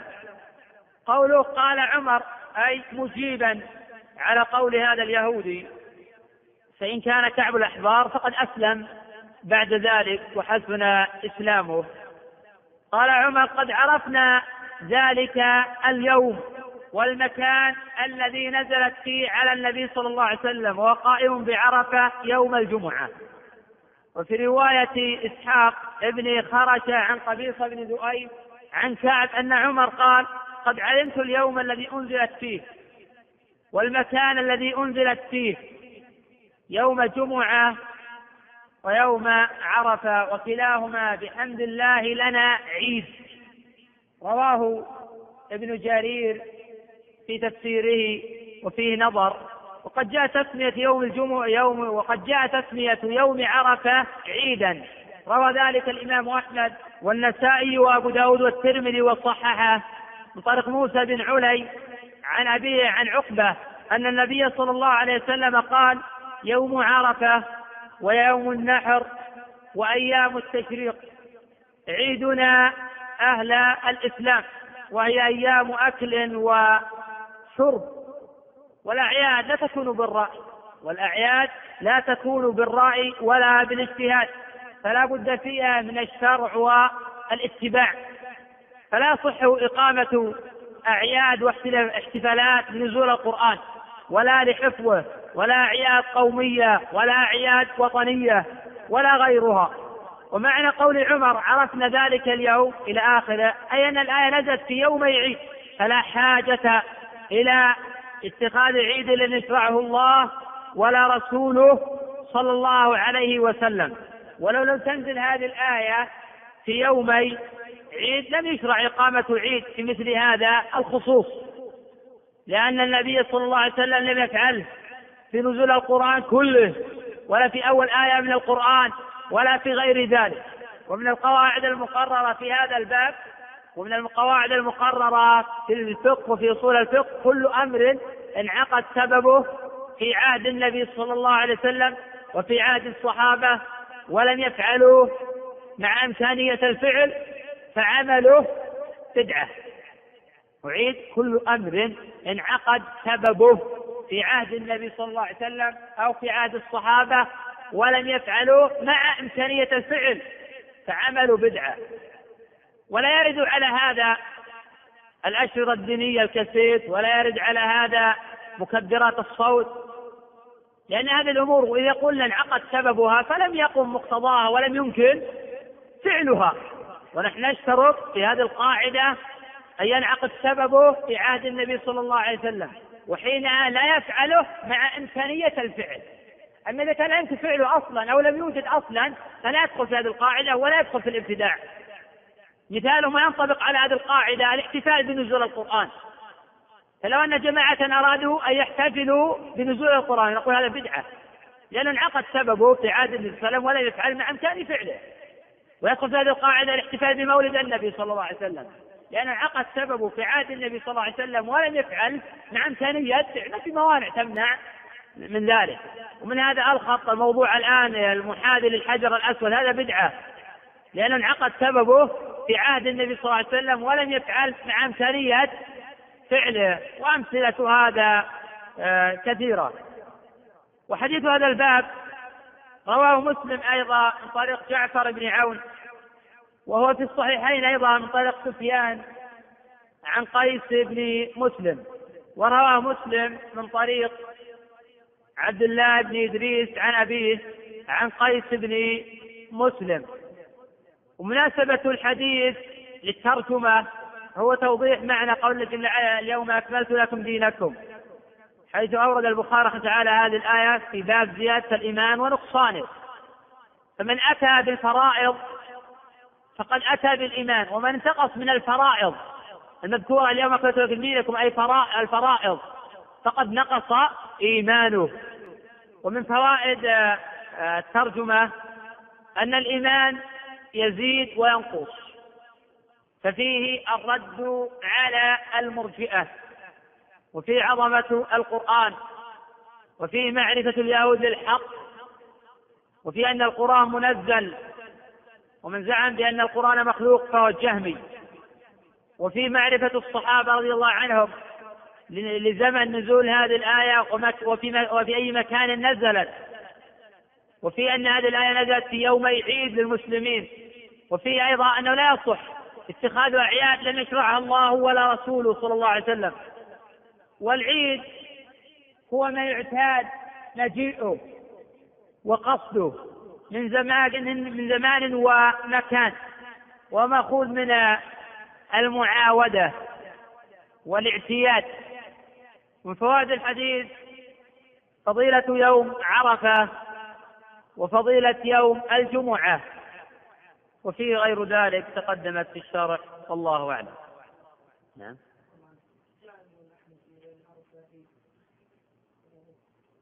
تقدم الحديث عند الأربعة.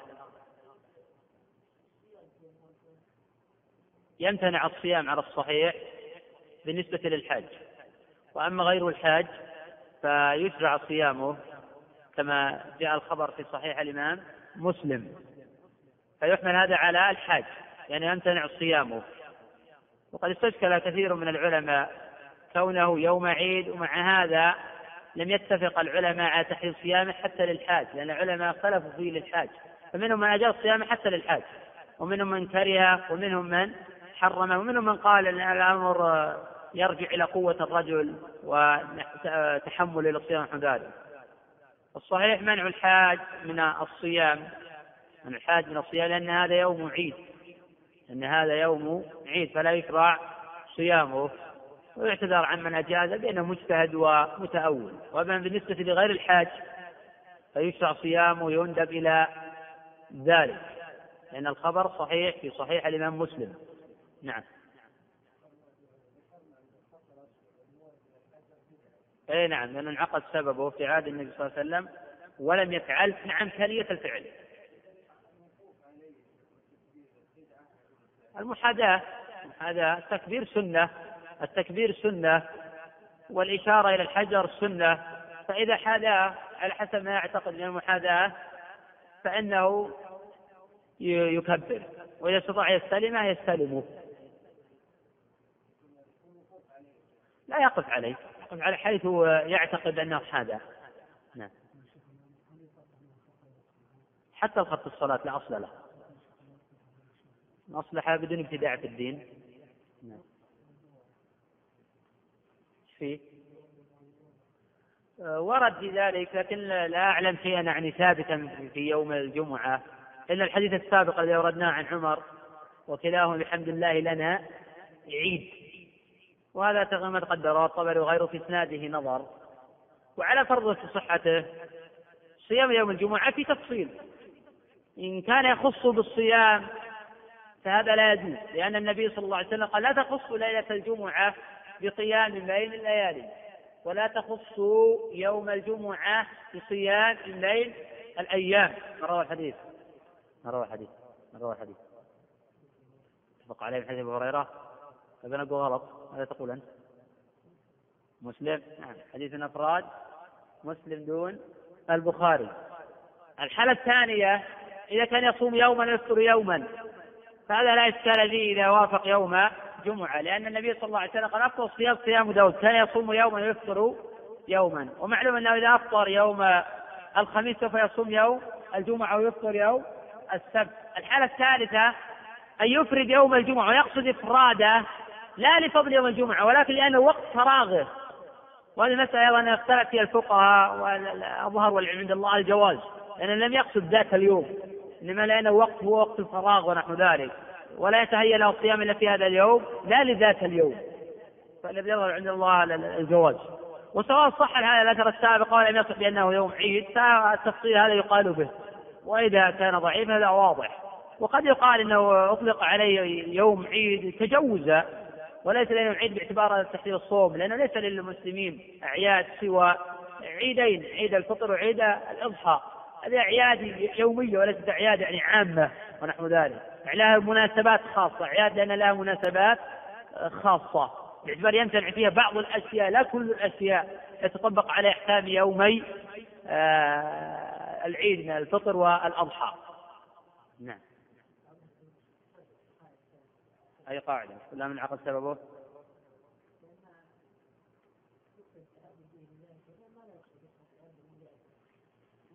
حتى الوسائل حتى الوسائل الدعوية وغيرها لها حالتان. الحالة الأولى أن تكون الوسيلة قد انعقد سببها في عهد النبي صلى الله عليه وسلم ووجد مقتضاها وتركها النبي صلى الله عليه وسلم ولم يفعلها. فلا يجوز لنا أن نفعل هذه الوسيلة. الأمر الثاني الوسيلة التي لم ينعقد سببها ولا وجد مقتضاها ولا أمكن فعلها. أو وجد السبب ولا أمكن الفعل. هذه لنا أن نفعلها. إذا قدرنا على فعلها وتهيأت لنا. فقول من قال بأن وسائل الدعوة توقيفية وهكذا أطلق هذا غلط. وقول من قال بأن وسائل الدعوة غير توقيفية هذا غلط. وهذا وذاك لم ينطلقوا منطلق أصولي. ومنطلق الأصول لتقضية القواعد الأصولية والقواعد الفقهية التي قررها غير من العلم منهم الشاطبي وشيخ الإسلام تيمية وغيرهما من الأئمة أن من عقد سببه ووجد مقتضاه وأمكن فعله فليس لأحد أن يفعله ومع ذلك فلك أن تفعل نعم.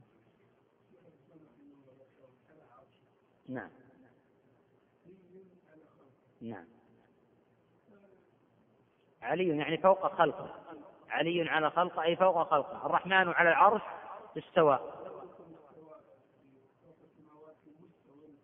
نقول بلا شك الاستواء يعني لابد من اثباته وهذا من أصول أهل السنة والجماعة إثبات الاستواء لله جل وعلا. وهذا دل عليه كتاب الله ودلت عليه السنة وأجمع عليه أهل السنة والجماعة. وشرق بذلك أهل البدع وقال الاستواء بمعنى الاستلاء وقالوا غير ذلك من السنة فلهم عبارات أربع كما أشار إليه ابن القيم رحمة تعالى في النونية قال فلهم عبارات عليها أربع قد فصلت للفارس الطعاني واستقر وقد علا وكذلك ارتفع الذي ما فيه منكران وكذاك صعد الذي هو رابع وأبو عبيدة صاحب الشيباني يختار هذا القول في تفسيره أدرى من الجهمي بالقرآن. ولكن الشيخ الإسلام تعالى في العقل الصحيح إذا قال علي على الخلق أراد يثبت العلو وقد أثبت قبل ذلك الاستواء. وقد تقدم تقريبا المسألة أن العلو معلوم بالفطرة والشرع. وأما الإسوة فإنه معلوم بالشرع دون آه، الفطرة. والفطرة تتجاوب مع الحق الذي يدل عليه كتاب الله تدل عليه السنة النبوية. لا هو أراد يثبت العلم. وأدلة الإسوة ذكرها في باب آخر. نعم. التبليغ خلف الإمام التبليغ خلف الإمام له حالتان. التبليغ خلف الإمام له حالتان. الحالة الأولى أن لا يسمع صوت الإمام فيبلغ عنه أحد المأمومين. فهذا مشروع. فقد فعله أبو بكر الصديق. قره النبي صلى الله عليه وسلم على ذلك والحديث الصحيح. وإن أقر قول غيره فعل كقوله كذاك فعل فعل قد فعل وما جرى في عصره ثم اطلع عليه إن أقره فليتبع. وهذا أجازه أيضا الإمام أحمد وغيره من أهل الحديث. قد تقدم أن السنة دلت على ذلك. فلسنا بحاجة أن تثبت السنة إلى قول فلان والآخر إلا من باب الإيضاح والتعليم. وأقوال العلماء تقدم يرى أن يحتج لها ولا يحتج بها وهي محكومة وليست بحاكمة. الضرب الثاني التبليغ إذا لم يكن في حاجة. مجرد عادة جرى عليها الناس كما يوجد الآن في الحرمين حيث أنه يسمع صوت الإمام ومع هذا يبلغ المؤذن خلفه. فهذا غير مشروع ولا أصل له. وقد أنكره الإمام مالك وأنكره الإمام أحمد. واختلف الفقهاء في بطلان صلاة المبلغ. واختلف الفقهاء في بطلان صلاة المبلغ. وذلك على قولين. القول الأول أن صلاته باطلة وهذا أحد القولين في مذهب مالك وأحمد وجماعة. القول الثاني أن الصلاة الصحيحة مع الإثم وهذا هو الأقرب. نعم. حديث داوم مرضاكم الصدقة ضعيف. له بعض الطرق ولكن لا يصح منها شيء. نعم. الأخ يسأل يقول أنه جاء في الحديث أن النبي صلى الله عليه وسلم قال صلوا كما رأيتموني أصلي. والمأموم إذا قال لمن سمع الله الحمد يقول ربنا ولك الحمد. ليش ما يقول؟ سمع الله لمن حمده بقول صلى الله عليه وسلم صلوا كما رأيتموني أصلي. وهذا سؤال جيد. وقد قال بقول وبسؤال الأخ جماعة من أهل العلم وقالوا بالتسميع للإمام والمأموم. أخذا بالحديث الوارد في صحيح البخاري من طريق خالد الحذا عن أبي قلابة عن مالك ابن الحويرث أن النبي صلى الله عليه وسلم قال صلوا كما رأيتموني أصلي. وهذا الفهم جيد وهو الأصل أن المأموم يقول مثل الإمام لكن جاء ما يخرج هذا العموم عن عمومه. فإن النبي صلى الله عليه وسلم قال وإذا قال سمع الله لمن حمد فقولوا ربنا ولك الحمد. فيحمل المطلق على المقيد. كما قال في المراقي وحمل مطلق على ذاك وجب إن فيه ما اتحد حكم والسبب. واضح؟ يكفي هذا.